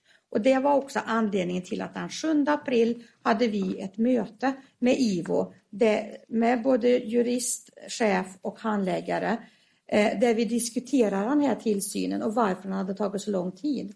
Och då sa IVO det att eh, den här har tagit så lång tid för att det har varit svårt att hantera. De här barnen hamnar emellan stolarna rent juridiskt. Vi vet att ni gör ett bra arbete men att det här är si och så. Vi kommer ändå vara tvungna att skriva eh, våra tillsynssvar utifrån de, de regler och lagar som vi har att förhålla oss till. Även om de visste att det här eh, att barnen brast. Och det som du tar upp här nu, det är en ett svar som är hypotetiskt ifrån mig till IVO i ett av eh, svaren på tillsynen. Att om det är som så här att vi är tvungna att agera i nöd, nödvärn för ett barn eh, så, så kan det vara som så att om de riskerar att springa ut emot vägen så måste vi kanske ta tag i ett barn. Och det är det som IVO då sen säger att då ska ni inte ha barn som kan utåtagera bla bla bla ungefär sådär. Jag kommer inte ihåg exakt. Eh, så det är det som du får och det här är Södra Villan för jag beskriver i det yttrandet vägen som är nedanför Södra Villan. Det är inte prästgården. Jag har eh, inte ställt frågan kring gränssättning ja, men, men det, utav barn. Det det här. Eh, men, men om man så att säga rev, alltså även om det kanske har dragit ut på tiden. IVO har ju 2017, 2018, 2019 och 2021 mm. eh, gett er eh, liksom kritik för bristande lämplighetsbedömningar. Det är vi ense om. Mm. Ja. Och även om det är ett ärende som tar lång tid så lyfter man ju här då i mars 2021 att det är bristande liksom, risker, fysiska risker i boendets omgivningar. Uh, men det är det, det, det, det, är det jag försöker förklara för dig. Att det där var ett hypotetiskt resonemang som sen då IVO använde i sitt tillsynssvar emot oss. Var kom ditt hypotetiska resonemang? När gavs det? Ja, men i ett yttrande till IVO. Alltså vi hade ju möjlighet att yttra oss över de här olika, vi har ju, vi har ju yttrat oss under tidens gång i den här tillsynen och försökt att förklara för, för, grundfrågan är ju det här med begränsningsåtgärder egentligen. Det är ju det som är, begräns, det är, det som är problemet. Eh, där, där, IVO tycker att om man använder begränsningsåtgärder för ofta så, så, så, pekar man på att det här kan då anses vara som en metod. Och vi har menat på det att nej, det här är inte en metod utan det här är nödvärnslägen som uppstår där vi har varit tvungna att skydda barnen. Och då har jag hypotetiskt skrivit om, om ett barn till exempel riskerar att springa ut emot vägen, så det är klart att vi griper kanske tag i det barnet. Och det är ju inte okej, okay, för att det kan vara, det är en otillåten eh, begränsningsåtgärd. Du har ju inte rätt att göra det egentligen. Men då menar, vi, menar jag på det att det är ju sådana situationer som kan uppstå i en sån här verksamhet inte önskvärt, men det kan uppstå och då kan man vara tvungen att skydda de här barnen. Nu var det inte begränsningsgrejen som jag var ute efter, utan Nej. den fysiska mm. liksom, bristerna mm. i den fysiska miljön. Mm. Uh, och du har i ett svar mm. till IVO uh, i april 2021 sagt att vi har Likaså har Platea under april månad 2021 förstärkt med ett Gunnebo-staket. Ja, ja, ja. Mm. Ja. Och så är det ju. En, en, en liksom tar ju upp det Men vart andra... sitter det Gunnebostaketet? Det sitter Eller på Södra Villan. Ja. Mm. Varför står det inte vilket boende det berör? Därför att det var Södra Villan som de gjorde det här påpekandet om utifrån. För det var där som de här tre barnen bodde som man då hade synpunkter på de har ju granskat oss och varit på plats.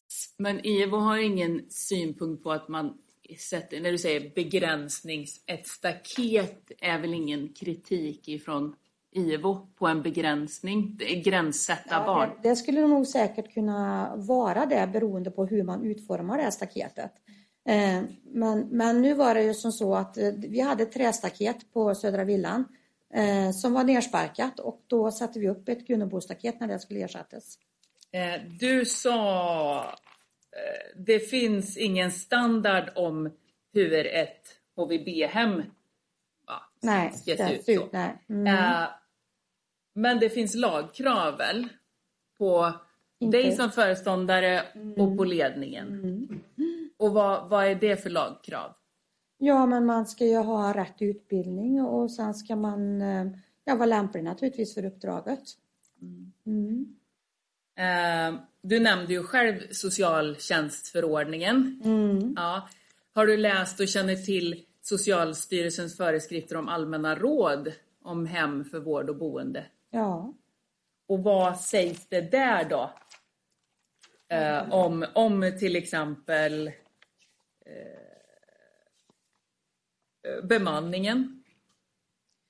Ja, nu har jag ju inte lagtexten framför mig, jag kan den inte utan till men, men att eh, man ska ju kunna bedriva en trygg och säker vård. Det är ju liksom det som är uppdraget. Och vem är det som har skyldigheten att se till att det finns en bemanning då som har förutsättningar att ge en trygg och säker vård? Ja, det är ju föreståndaren och verksamhetschefen. Eh, vad, vad säger eh, samma förordning då om, om hemmets lokaler och omgivning? Ja, de ska vara ändamålsenliga för uppdraget. Mm.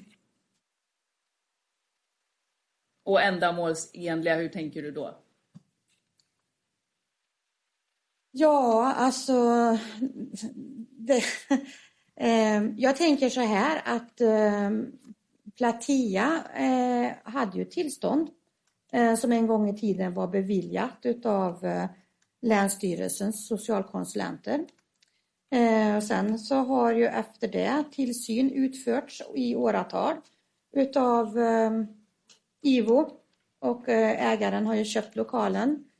Eh, och det ska då innehålla, det liksom finns brandtillsyn, det ska vara säkrat på ett sådant sätt med gipsplattor och annat i väggarna så som det ska vara. Det finns ju väldigt många olika saker som styr in hur en sån här verksamhet ska se ut. Mm. Um, så att, uh, ja. Alltså det ska det... också ge, ge förutsättningar för en trygg och säker ja, vård, förstår ja, jag att du menar. Ja, ja, precis. Och vem är det som har ansvaret för att det är så då? Ja, det är ju naturligtvis föreståndaren som ska kunna matcha in barn i eh, en sån verksamhet med de förutsättningar som är. Mm. Eh, det pratades, eller du fick frågan om, mm. eh, om John Walter hade rymt tidigare. Mm. Eh, och så fick du uppläst att han har försökt eller ja, men inte lyckats. Mm. Uh, känner du till någonting med en, en brandstege och John Walter? Mm. Vad var det då? Ja, att han hade kommit ut på övervåningen och tagit sig ner. Mm. Och vem var det som berättade det för dig? Ja, det är ingen som har berättat för det såg jag i förundersökningen när jag läste. Det var ingenting jag visste om innan. Så det är ingen som har berättat för dig? Nej. Uh, Sofia eller Ulrika var det väl som berättade om att man har spikat för fönstret mm. för John Walter. Mm. Mm. Ja. Uh, vem är det som har uh, gett det direktivet? Så det har jag gjort. Eller inte spikar för, men satt upp en skiva som täckte en del av fönstret.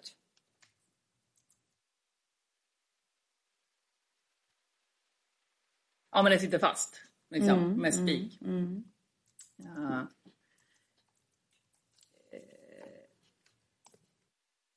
Om du säger så här att om, om man, jag förstod det som, om inte chefen lyssnar så går man liksom högre och, eller, och, och når man inte dit så ska man skriva en avvikelse i avvikelsesystemet. Ja, det skulle man ju kunna gjort ändå. Det är liksom egentligen inte avhängigt av att chefen inte har lyssnat. Utan äh, lämna in en avvikelse kan man ju göra oavsett egentligen. Mm. Men ni har ju bara en enda avvikelse noterat, äh, alltså från 2021. Och det är att, att äh, internet inte fungerar. Ja, fast den, då har du ju bara letat, tror jag, efter en viss typ av avvikelser. För vi hade avvikelser i systemet, i DF-respons. Mm. Mm. Jag har letat för jag har gått efter vad du har svarat Ivo. Mm. Uh, och jag, uh, men berätta, jag ska inte säga, hur gör ni avvikelser och incidenter? Hur, vart noterar man det? Det noterar man i ett system som heter DF-respons. Och vi hade så sent som, eh, om jag inte missminner mig fel, 7, 8, 9 så hade vi utbildningar i avvikelsehantering och lex och eh, Socialstyrelsens eh, kunskapsstöd, omsorg, gränssättning och vålds, eh, förebyggande arbete på våldsförebyggande arbete på HVB. Eh, hade vi. Eh, och då gör man som så när man har en avvikelse så lägger man in det i det systemet och så följer man en, en mall och så kommer man fram till och det kan vara både arbetsmiljöavvikelse eller tillbud eller så var det avvikelse i verksamheten eller en lex Sara kunde man rapportera in där. Okej, okay. för mm. jag har läst att du har svarat eh, och Ivo har också reagerat på det. Att, att avvikelser, det har noterats liksom som några risker i, i miljön. Mm. Medan incidenter är det som, allt som kan styras till barnens person och till dem mm. de är. Det har noterats i barnens journaler. Mm. Så det, det, stämmer inte? För jag har inte läst något om DF-respons. Nej, eh, men om du då tänker att, för att avvikelsesystemen har förändrats genom tid. Eh, när jag började så hade vi, gjorde man avvikelserna i IDOC, gjorde man.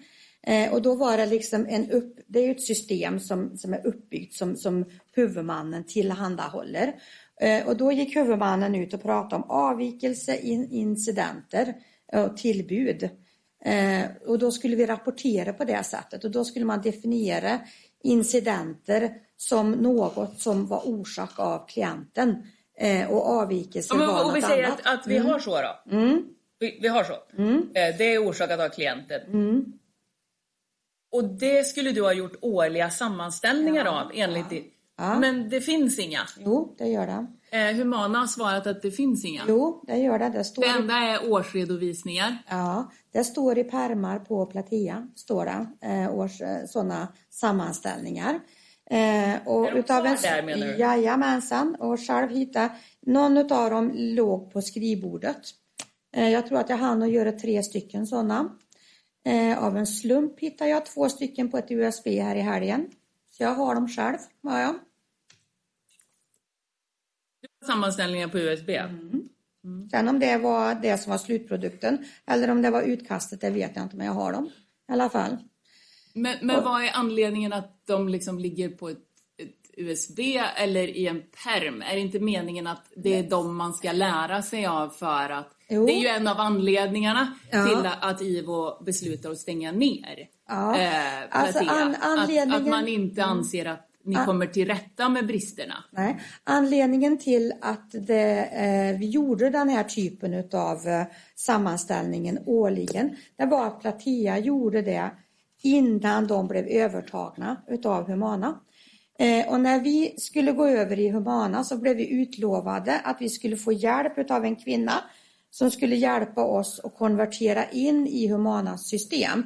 Så vi skulle få en, en sån Alltså för, för Platia hade ett helt eget kvalitetsledningssystem uppbyggt. Eh, och vi fick aldrig den hjälpen för den kvinnan slutade.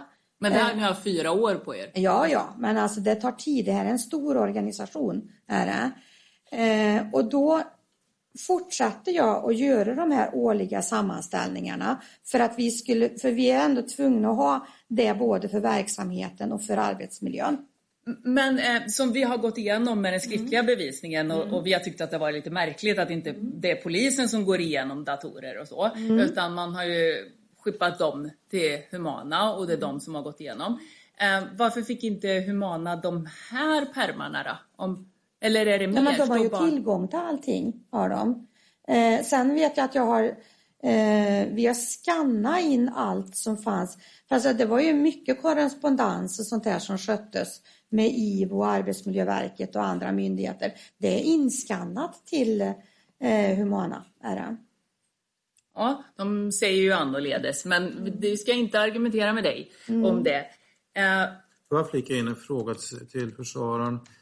Eh, det är som ska pröva ett åtal mot din klient och en person till och åklagaren påstår att de varit oaktsamma i vissa avseenden, nämligen när de har suttit där och inte haft full insyn och det påstås att dörren varit stängd. Eh, det, det som frågorna ställs nu här till Birgitta Berg, menar försvararna att det har betydelse för för din klients oaktsamhet bedömningen av Bedömningen oaktsamheten. av Ja. ja. För jag menar att eh, det som åklagaren menar är omständigheter som ska läggas eh, Sofia till last ska läggas eh, ledningen till last.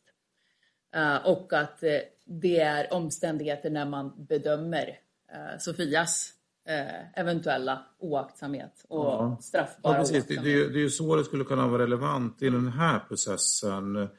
Eh, Ja, men vi, om vi behöver inte prata mer om, ja. om, om eh, avvikelserapportering eller IVO. Jag, däremot så eh, måste jag få fråga ändå. Ja, fortsätt du. Ja, jag, kommer, jag tar en annan Mm. boll. Ja. Eh, är det så att ni budgeterar med vinstkrav i Platea? Har gjort, ska jag säga.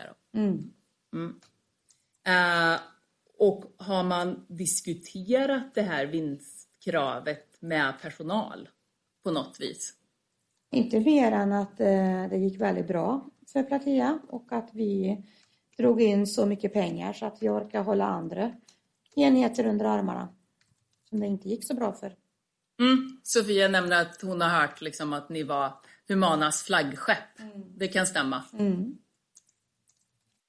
Eh, och utifrån det här, eh, vet du vad Platea gjorde för vinst? Minns du det? Vad man gjorde för vinst 2020? Alltså det var ju inte jag som, jag vet att vi gick rejält i vinst men det var inte jag som satt och räknade ut det utan det gjorde ju ekonomerna och eh, ledningen. Eh, eh, jag har sett uppgifter, det är SVTs granskning då. Ja, och där så säger man att eh, det var 29 miljoner år 2020. Kan det stämma? Det är säkert. Jag- vet faktiskt inte. Nej. Eh, jag ska inte argumentera vad man hade kunnat gjort med eh, de pengarna för barna och boendet. Men fick du någon direkt eller eh, någon form av ersättning för eh, den här enorma eh, vinsten som gjordes i bolaget? Alltså vi fick ju, alltså pengar, det här var ju inte pengar som, som vi fick ta del utav. Eh, sen hade ju vi önskemål om eh, att vi ville få ta del utav det. Eh, men eh, Så kollar man, eh, det har jag inte gjort, men det är ju en offentlig uppgift om, om man kommer åt. Alltså, om man kollar din eh, inkomst av tjänst så har du ingen annat än en normal eh, löneökning enligt avtal då, eller? ja, jag har ju lön som jag ska ha. Mm. Ja, lön ja. Eh, men det är, du, ja, frågan var, det är ingen liksom, bonus eller extra eller stor löneökning som har gått till dig? Nej, Eh, du sa att eh, eh, ja, det händer ju att barnen rymmer. Jag vet inte om det var så du sa, men, men du sa. Eh, känner du till eh, hur det är för eh, Josefin som ska komma och höras? Har hon haft barn som har rymt? eh, det har hon haft. Mm. Eh, hur känner du Josefin idag? Umgås ni eller? Nej, Eh, Tindra, känner du till, har hon haft barn som har rymt till exempel? Vet inte. Eh, hur, hur känner du Tindra? Känner du henne bara som tidigare anställd eller på något annat sätt? Eh, jag känner bara henne som tidigare anställd. Eh, så din dotter är inte kompis med Tindra då? Eller något Nej. Nej.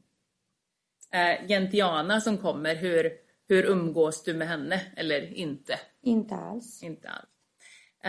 Har ni pratat någonting innan den här förhandlingen? Nej. Eh, har du fått någon information om förhandlingen som har varit? Vi, vi har ju suttit två dagar innan det här. Har du fått någon annan information än det som har varit via media? Jag har läst eh, eh, Sveriges Radios rapportering. Har jag gjort. Ja. Mm. ja. Men du, du har inte pratat med någon om förhandlingen? Det som, Jo, det har jag också gjort, men jag har inte fått någon nämnvärd information. Är det någon i målet som du har pratat om förhandlingen med? Nej. Och ingen som ska komma och höras här eller? Nej. Ja. Eh.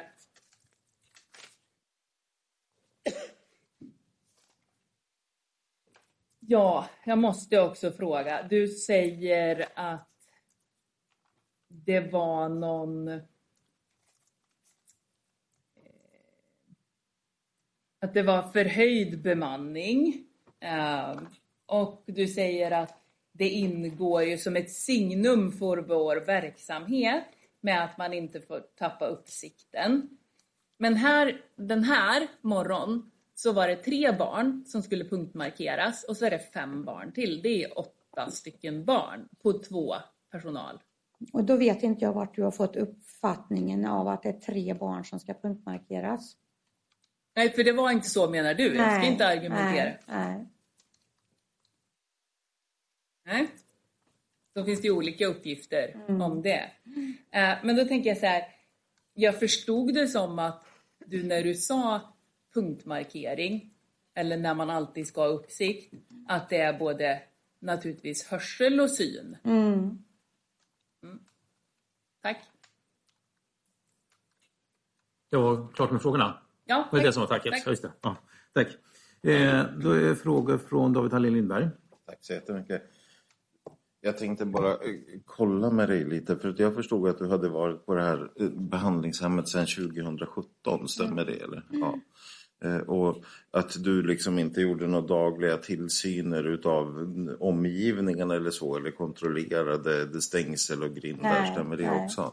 Men du, under de här tiden, var du någon gång och, och tittade till omgivningen, hur det såg ut med stängsel och grindar eller sådana saker?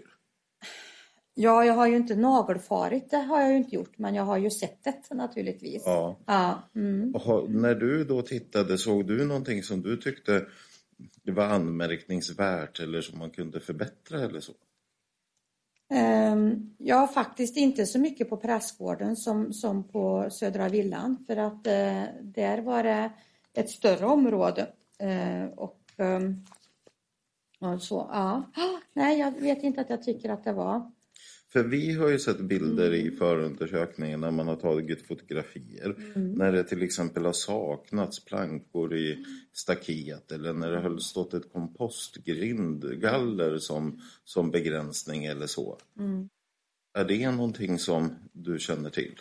Nej, jag hade inte eh, sett det, hade jag inte gjort. Eh, utan eh, sen är det ju som så, det här är ju trä, det är ju, ett vill, det är ju som ett villaområde, även om det inte är många villor där. Så det staketet, det här kompostgallret, det, det är ju in till en granne.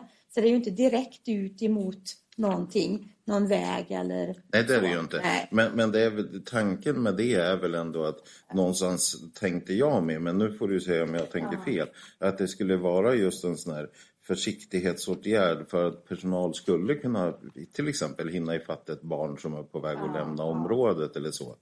Så att syftet måste väl vara att det ska försena för barnet i så Och fall. nu hade vi ju i plan att vi skulle sätta upp ett Gunnebostaket där. Mm. Sen, sen, sen är det tyvärr som så, jag förstår att alla tänker så, att ett staket skulle skydda, men det gör inte det.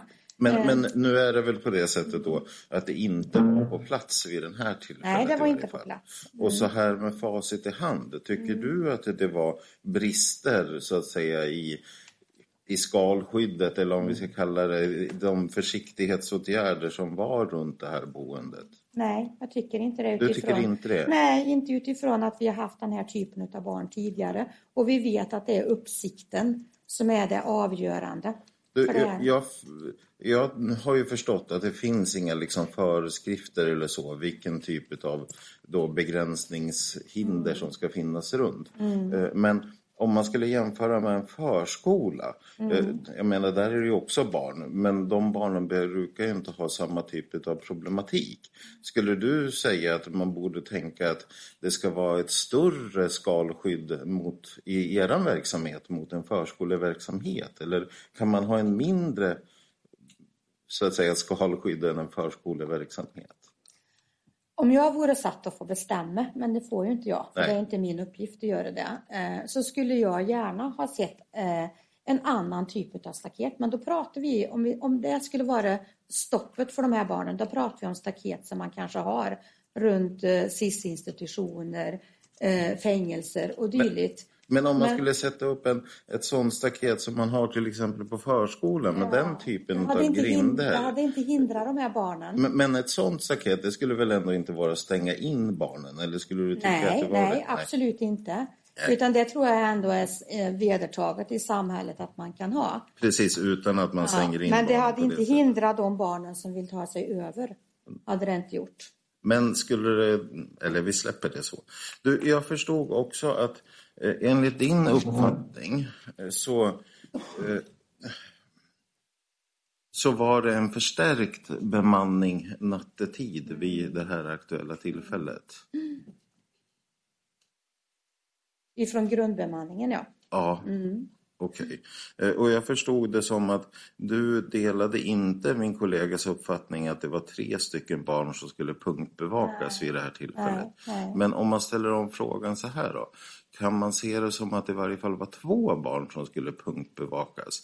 Jag tänker dels på John Walter och dels på det barn som, ska vi kalla det suicidbarnet. Jag har fått uppfattning att bägge de två skulle punktbevakas. Nej, inte, inte det barnet som var på nedre plan behövdes inte punktbevakas nattetid om det barnet sov. Eh, Nej, och, och det där är ju också lite intressant det där om barnet sov. För jag förstod att det barnet eh, hade en ganska svår problematik eh, och att det i princip när som helst kunde inträffa att barnet på olika sätt försökte skada sig själv när den var vaken, självklart inte när den sov. Du, din uppfattning, det barnet, vilken tid vaknade? den dagen menar du? Nej, generellt, alltså när brukade den vakna? Ja, det vet inte jag exakt eh, vilken Nej. tid den vaknade. Du, om jag skulle påstå att det var väldigt olika vilken tid det barnet vaknade och att det kunde vara allt från 5-6 på morgonen, alltså innan dagpersonalen kommer in. Kan det stämma eller? Eh, det vet inte jag exakt om det var så. Mm. Okej. Du sa också, om jag förstod det rätt, att man kunde liksom hålla översikt över barnen.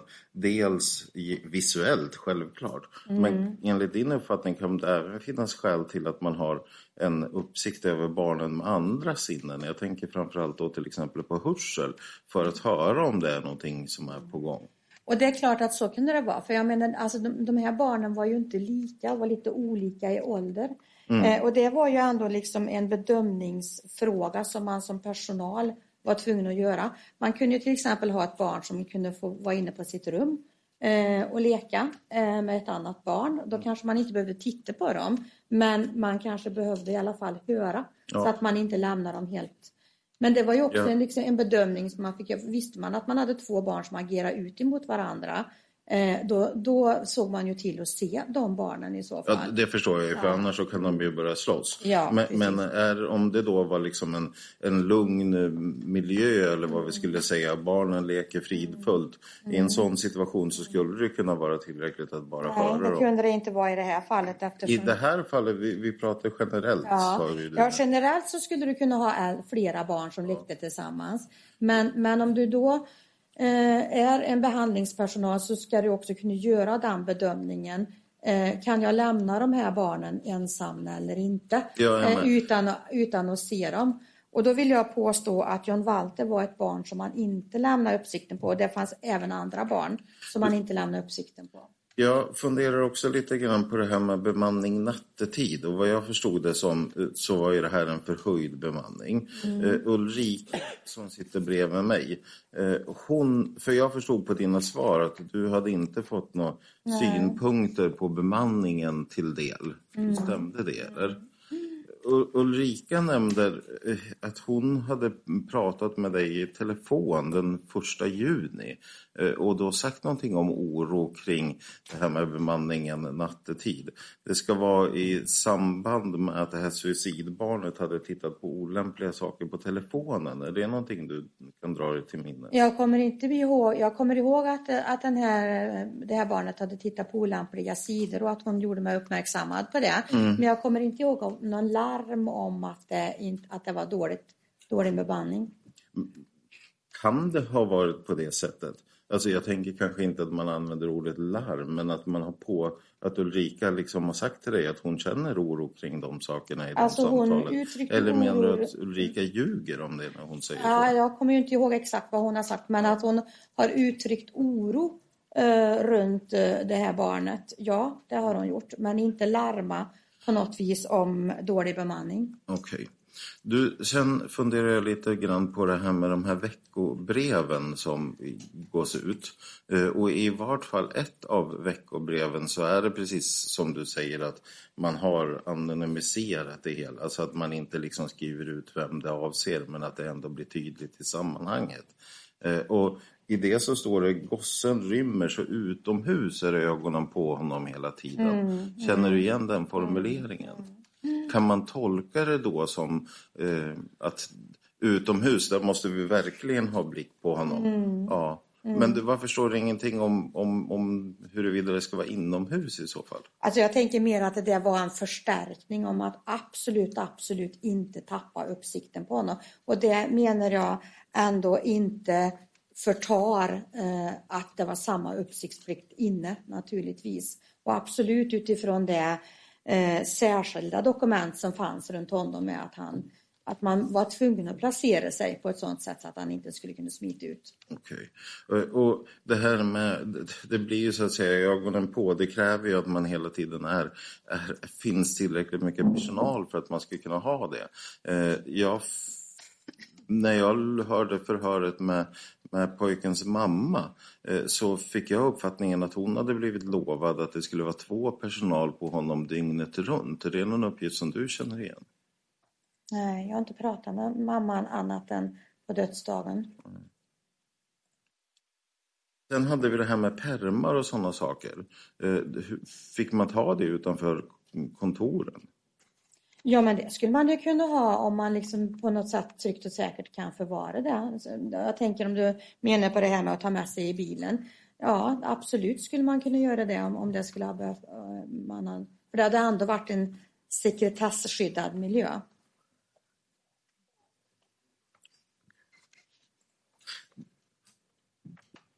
Jag stannar där så länge, tack. Mm. Ska bara, ja, alldeles strax. Vi ska, har gå varvet runt. Det var inga ord därifrån. Sofia Madren. Tack. Eh, ja, eh, du menar att du inte har upplevt att Ulrika har larmat om eh, bemanningen. Nej. Eh, Ulrika berättar ju att ni har haft ett samtal om hur snabb han är och du ska ha kommenterat att ja, jag skulle inte heller orka springa efter honom. Eller någonting sånt. Känner du igen det? Ja, det har jag säkert sagt. Mm. Eh, det här med att, att internet låg nere på prästgården, så var det. Ja, Ja, Då och då.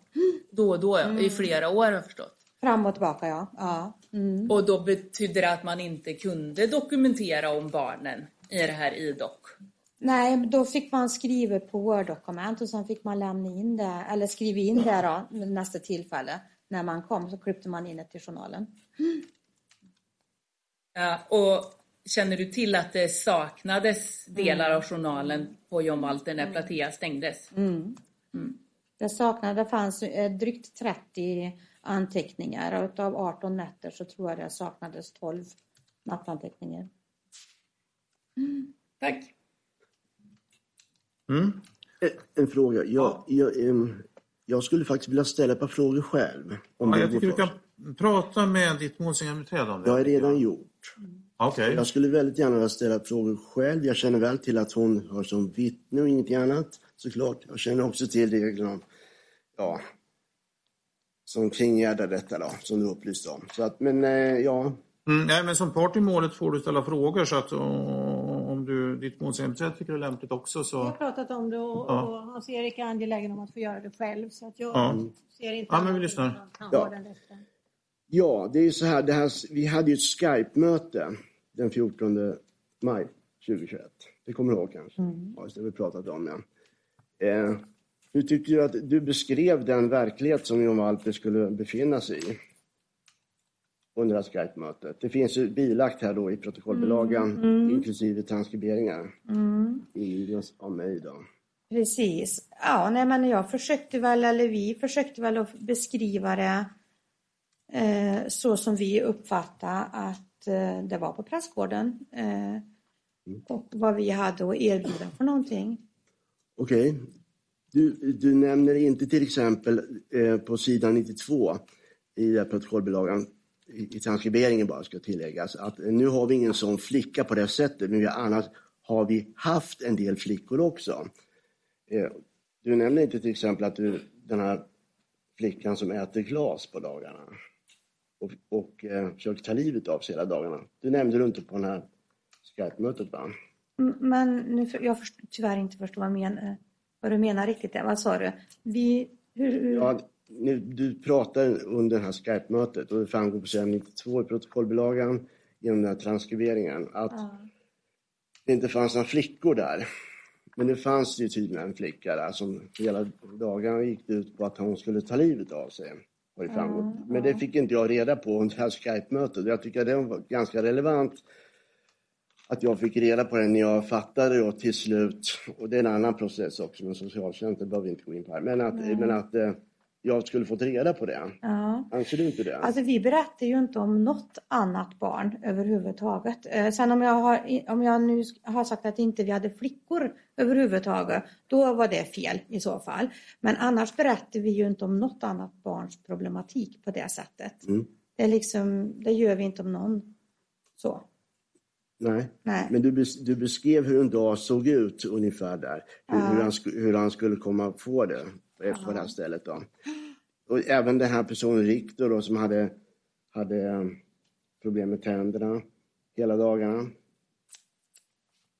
Att eh, till exempel personal hittade folk i rondeller som hade rymt tidigare. Det nämndes inte heller på det här Skype-mötet tror jag. Nej, men även om vi hade ett barn med tandvärk så är inte det heller någonting som vi Nej, nej. skulle liksom berätta om på det sättet. Lika lite som vi skulle berätta för någon annan förälder om, om eh, John Walters problem. Det är, liksom, det är inte på det sättet man gör. Nej, men du, Nej. besk du beskrev heller inte det på det här Skype-mötet att, som du säger på sidan 169 i förundersökningsprotokollet då, i förhöret då, att barnen som bor hos oss är de svåraste barnen. Mm. Det nämns ju inte direkt heller. Nej, Den miljön men, men skulle så är det ju. Det var ju svåra barn. Så, så det, var, det är inget konstigt utan så är det. Det är ju barn som har ett, ett rejält problemskapande beteende. Mm. Det kan noteras också, det hade han inte hemma hos mig då förstås. Då. Nej. Men eh, på sidan 170 framgår också i förhör, eh, citat, på John Walter har vi alltid en till två personal. Mm. Stämde det? Alltid? Ja, i princip hade vi det förutom när du var där för då hade vi en överenskommelse med dig om när du hade umgänge att det var ditt huvudansvar. Men vi hade ändå en personal med och ibland två personal med. Mm. Känner du till det här med John Walter och vatten? Inte mer än att jag såg honom utanför eh, att han lekte i vatten med ett annat barn och Öster. Men du har aldrig hört mig berätta det? Det kommer jag inte ihåg att du har berättat Nej. om. Till exempel på Skype-mötet, sidan 97, protokollbilagan, framgår det så här, Hans-Erik. eh, angående vad han gillar och så här. Ja, det gör han. Där och överallt. Det är både skog, han älskar vatten, leka med vatten, bada i vatten, duscha i vatten. Mm. Birgitta svarar ja. Ja, alltså du, jag vet ju att du berättar saker om honom. Eh, och jag, som jag säger, det, jag vet att det var att jag såg att han stod och öste i en vattenlek vid sidan om. Mm. Men sen har jag också hört av personal att han gillar inte att duscha. Eh, så det kanske är olika upp, upplevelser utav vatten. Men frågan är om vi inte har hört tillräckligt nu för att bedöma det som är föremål för den här processen. Jag har bara en sista, fråga, en sista fråga om det. Okej. den då. Det är så här att det har framgått också i förhör av en av de tilltalade, eh, Ulrika Andersson, sid 258, att på mötet efteråt, Eh, att du har sagt detta under det här mötet. Det här är så anmärkningsvärt så det bara måste tas upp här i processen. Det är som Birgitta sa till mig, då han fick ju, så säger hon, han fick ju ändå en fin död liksom. Han var säkert jätteglad när han sprang ner till vattnet och den där, det där framgår ju där då. En fin död. Är det så du vill, vill beskriva, om detta stämmer? Jag vet inte i vilket sammanhang Ulrika har sagt det här och vad hon har tagit utifrån. Du har ju läst förhörsprotokollet. Du har ju läst Ja, ja, men jag har inte läst precis allting har jag inte gjort. Eh, jag, jag vet inte hur jag kan ha... Jag kanske har uttryckt mig på något sätt för att trösta Ulrika för att hon var ganska förtvivlad när det här hade hänt. Men jag vet, jag kommer inte ihåg vad jag har sagt. Mm. Och sen skulle du bjuda på smörgåsar och alla, och alla andra skulle få, du var den enda som åt det och du tyckte att det var helt normalt i det här mötet. Ja, alltså vi, vi, det var en timme efter att eh, vi hade fått beskedet om att John Walter... Och vi var tvungna att samla personalen på något sätt. Så var det. När fick du, Nej, jag- jag angående att- tiden, när fick du tid? Lite, för att det vi har som sagt en prövning där Ulrika och Sofia som är åtalat för brott som, som åklagaren påstår det krävs skadestånd från Ulrika och Sofia här så att det är, jag tror att vi bryter där faktiskt. Ja. Eh, är det någon, En. Ja, försvararen Sofia Möller igen. Birgitta, eh, direkt ur din lämplighetsbedömning, det är sidan 126 i förundersökningen. Uh, totalbedömning och motiverat beslut. Eh, jag läser hela och sen kommer frågan. Platea har förutsättningar att erbjuda barnet en omsorg och vård som kan skapa stabilitet. Platea kan med extra bemanning arbeta för att säkra upp runt barnet så att det inte ska utsättas för onödiga olyckor. Det är ett mycket aktivt barn som ställer stora krav på uppsikt och tillsyn. Platea har vana av att säkerställa även den fysiska miljön, vilket kommer att ske. Utifrån denna motivering anser undertecknad att Platea kan bereda barnet en trygg och säker vård i en akutplacering. Och då menar jag här att du har i din lämplighetsbedömning varit medveten om bristerna i den fysiska miljön men sagt att ni ska säkerställa den och att det kommer att ske. Och det gjorde vi på olika sätt. Eh, den fysiska miljön innebär ju att man måste liksom läsa av ett barn. Vad är det det här barnet gör? Ja, det klättrar upp i fönstret, då sätter man upp en skiva eh, För att Du menar att ni har säkrat? Ja, vi har förs- försökt att säkra så gott vi har kunnat. Eh, i, även i den fysiska miljön.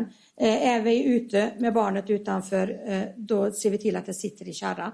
Till exempel. Det är sådana här små saker som vi gjorde för att kunna säkra. Så du fick frågan från, eh, jag tror att det var Hannas eh, målsägande beträde, Eh, om du tycker att Sofia och Ulrika har ansvar i det här och då sa du ja. Och jag tycker att du ska få svara på det. Tycker du att du har något ansvar i att det gick som det gick här? Um, nej, jag tycker inte det. För jag tycker att det har varit så tydligt med att det är uppsiktsplikten som det handlar om. Att det, det handlar om att titta på det.